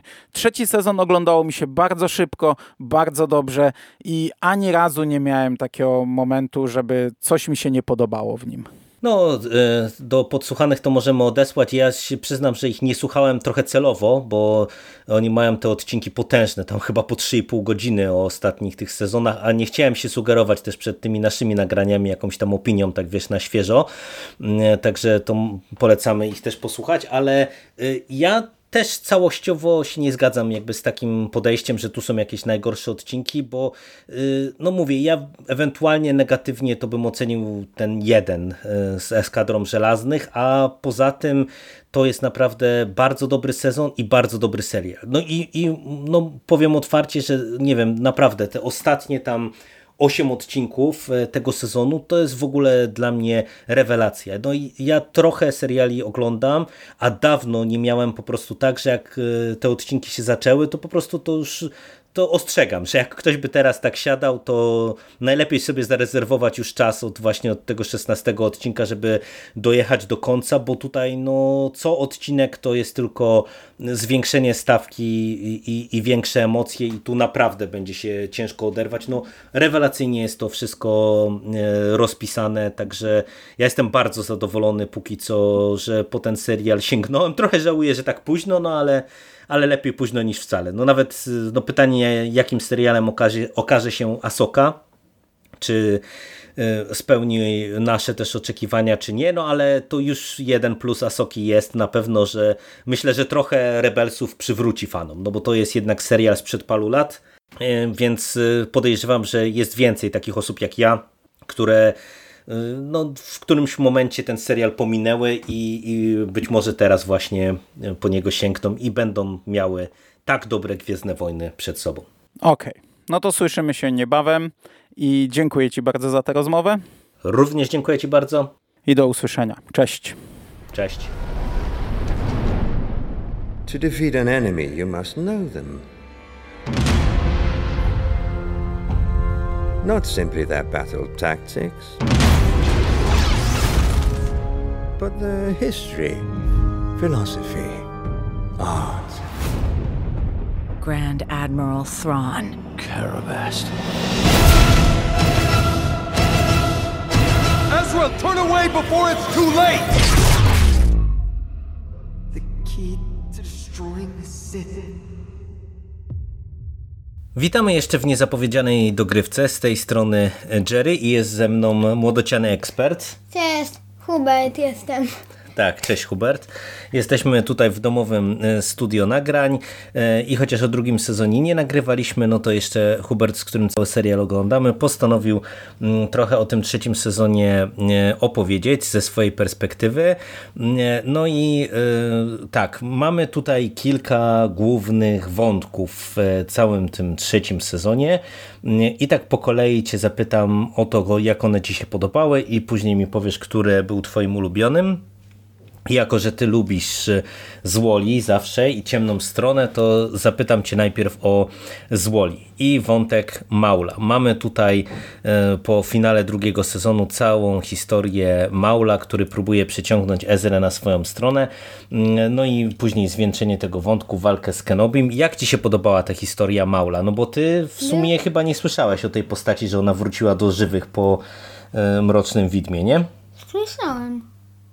Słyszałeś? A skąd słyszałeś? Bo mi mówiłeś. A, bo ja ci mówiłem. No dobrze. No i był w solo, nie? Pamiętasz? No, no pamiętam. No właśnie. No ale to jak ci się podobał ten powrót Maula e, w Rebelsach? Był fajny, tylko że ta ostatnia walka z Kenobiem, jakbym powiedział, to była jedna z nudniejszych walk w sezonie. Bo to było ciach, ciach, ciach, koniec walki. No, ona była taka strasznie szybka. No, oni się dłużej do tej walki na siebie gapili i, i złe spojrzenia na siebie e, pokazywali i gadali dłużej niż walczyli, bo oni, bo oni gadali jak myślisz, nie wciągaj tego w to swojego ucznia. No tak, tak, ale no to tak się buduje napięcie. To fajny był ten pojedynek akurat. No fajny, tylko że szkoda, że walka była taka krótka. No, ja wiem, że ty lubisz dłuższe. No i tak, no wiesz, to był zwieńczenie wątku z Clone Warsów, to kiedyś jak sięgniemy, to pewnie też będziemy więcej wiedzieli, ale fajnie było zobaczyć Kenobiego, nie? Na no, Tatooine. Tak. No to fajnie. A samo to jak e, Maul kusił Ezrę, to ci się podobało? Bo tam na początku mieliśmy Ezrę, który trochę przechodził na ciemną stronę podobało. A jak jesteśmy w temacie Ezry, to mi się jedyne, co z Ezrą nie spodobało, to jest zmiana fryzury. Zmiana fryzury ci się No. nie spodobała? No teraz ma takie krótsze włosy. I bzy- I, bry, i brzydsze, okej. A powiedz mi, a jak jesteśmy przy Ezrze, bo to był jeden z twoich ulubionych bohaterów, nadal lubisz Ezrę? tak, lubię. Tak? A kto oprócz Ezry jest taką najfajniejszą postacią dla ciebie z całej załogi ducha? Chopper. Chopper? Bo pewnie jest śmieszny, co? No, tak. Śmieszny i niegrzeczny i zaczepia wszystkich. No tak. Na przykład jak- zapomnieli o Chopperze, to on bije na przykład tymi swoimi łapkami w nogę tego, kto, kto o nim zapomniał. No, dokładnie.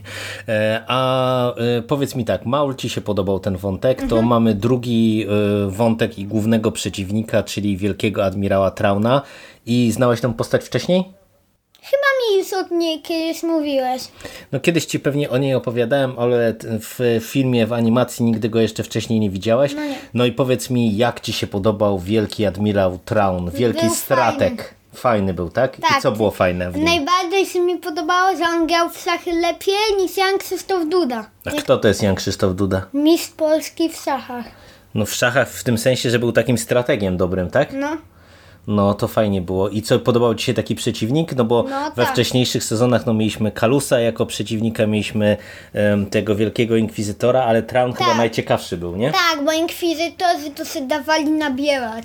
Na głupie bajeczki w końcu i tak zostali zabici. A Trauna nie zabili. No i Trauna nie tak łatwo przechytrzyć, No nie? nie.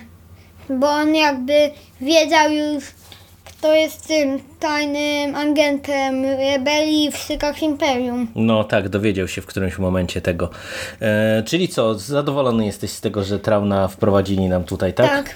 E, No to fajnie, że Ci się podoba też, e, no bo wygląda na to, że on w czwartym sezonie też będzie miał jeszcze istotną rolę, no bo tak jak mówisz, to, to nie był przeciwnik, który od razu zginął, no i też nie było lekko z nim, bo rebelia jakby mocno dostała po tyłku. E, A jak ruszyłeś temat szpiega, no to mamy y, historię agenta Kalusa, który okazuje się być szpiegiem rebelii. Zaskoczyło Cię to? No, nie za bardzo, bo on już kilka razy nawet w drugim sezonie pomagał rebeliom. Jak na przykład imperialni i gonili byli bardzo blisko, a on jakimś cudem... Nie, to w trzecim przejściu. sezonie było. Nie, w drugim też tak było. Nie, w drugim sezonie to był tylko ten jeden odcinek z Zebem na planecie, pamiętasz? Z pająkami, co siedzieli No razem tak. i chcieli współpracować. I wtedy już wiedziałem. Już wtedy wiedziałeś, że przejdzie na dobrą stronę? No, i bo potem w kilku odcinków, potem jak uciekali z Gwiezdnego Niszczyciela, to... Ale to już było w trzecim sezonie, to jak Nie, Sabine uciekała z y, Wedge'em, pamiętasz? To już był trzeci sezon, jak im pomógł. Ale w drugim też, w, w, w końcowych odcinkach. Nie, nie, nie, to już mylisz. Mylisz, mylisz facet. Nie mylę, Ale co, co, nie, nie zaskoczyło cię to mówić, tak? Nie, nie. Ale podobał ci się, podobała ci się historia agenta Kalusa? Tak. To fajna postać była, Mhm. nie? I super był ten odcinek na Chimerze, coś właśnie kombinowali e, z Ezrą, żeby nie dać się złapać jako e, szpieg rebelii, nie? Pamiętasz ten odcinek, jeden z końcówki?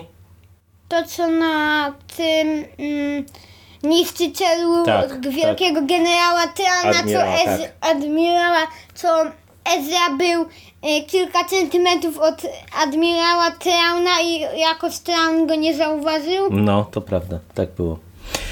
E, No dobra, no to mamy e, wątki tych złych, to ogólnie złole, jak dziś, jakie oceniasz ich w tym trzecim sezonie? Fajnie to było? Tak. Jak wyjątkowo streamowcy byli dosyć mądrzy, poza ostatnimi. Ostatnimi, którzy mieli zanieść tego mm, Kalusa? Kalusa do bloku więziennego i wsadzili go do windy pierwszego, a oni stali przed nim i klasycznie y, się winda zamknęła, jak zgadnę, w kajdankami, rękami skutymi w kajdanki, walnął strójmowców po łbach i, I uciekł. I, i uciekł No, no to, to. To, to prawda, to prawda.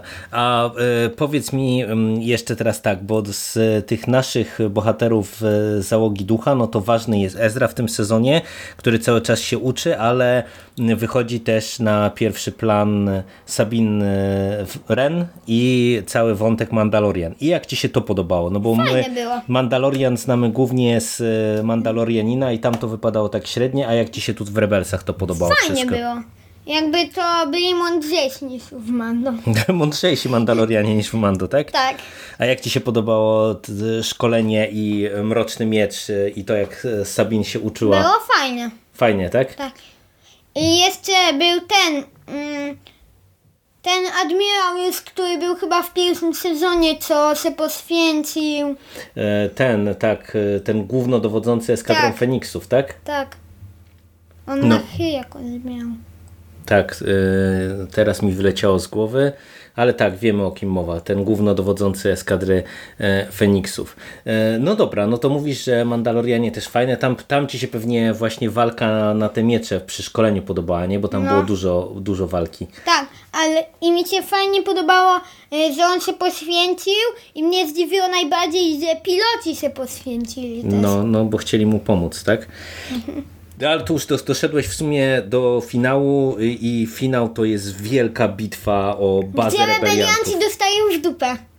No dostają trochę w dupę, no bo to jest Admirał Traun, no i on wszystko jakby tak ustalił, żeby im maksymalnie by na 100% utrudnić.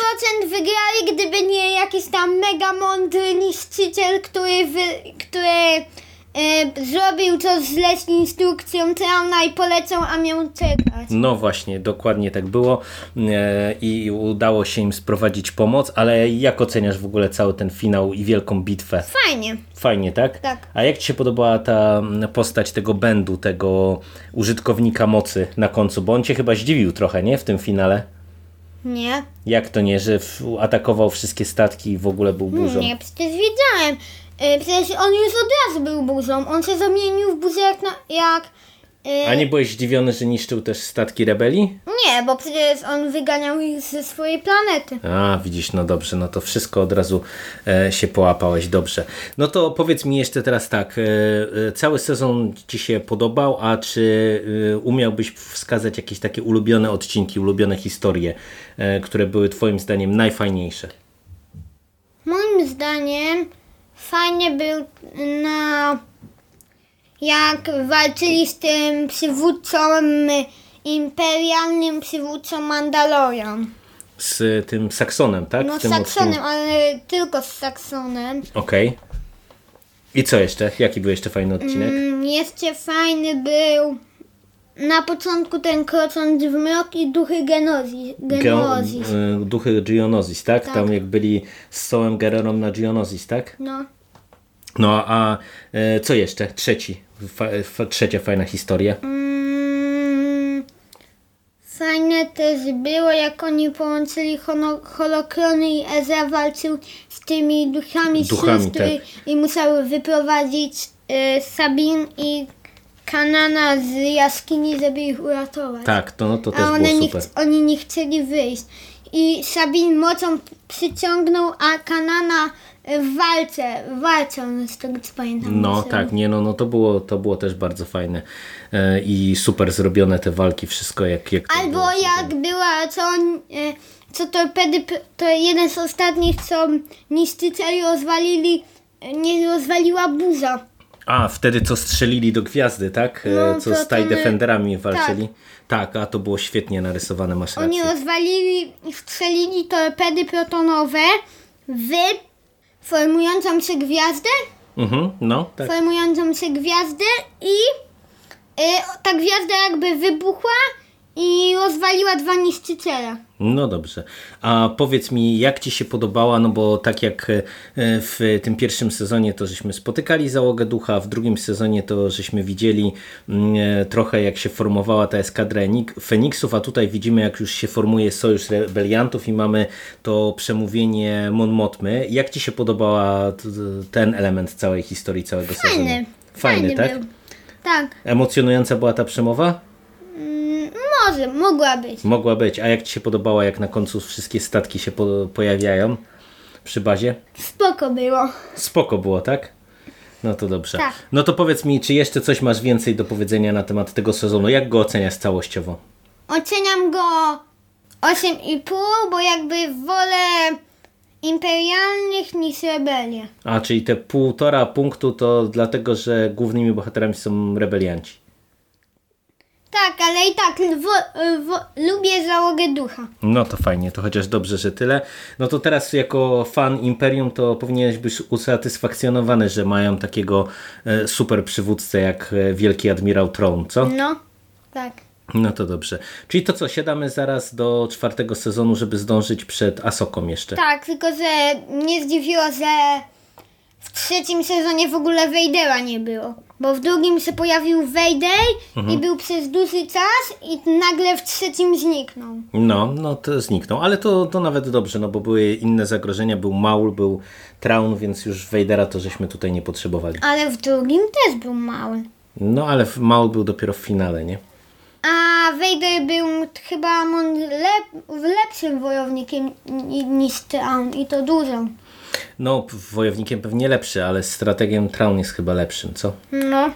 No dobra, no to już nie będziemy przedłużać. O czwartym sezonie też jeszcze się pewnie spotkamy, coś pogadać. Tak, coś około za dwa tygodnie. za dwa tygodnie, myślę, że za trzy dni, ale zobaczymy. No to dobra, to dzięki Ci za rozmowę, Piona. I do usłyszenia.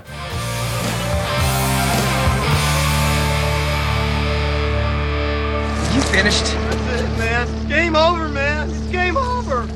Fuck are we gonna do now? What are we gonna do? It's over. Nothing is over! Nothing! You just don't turn it off!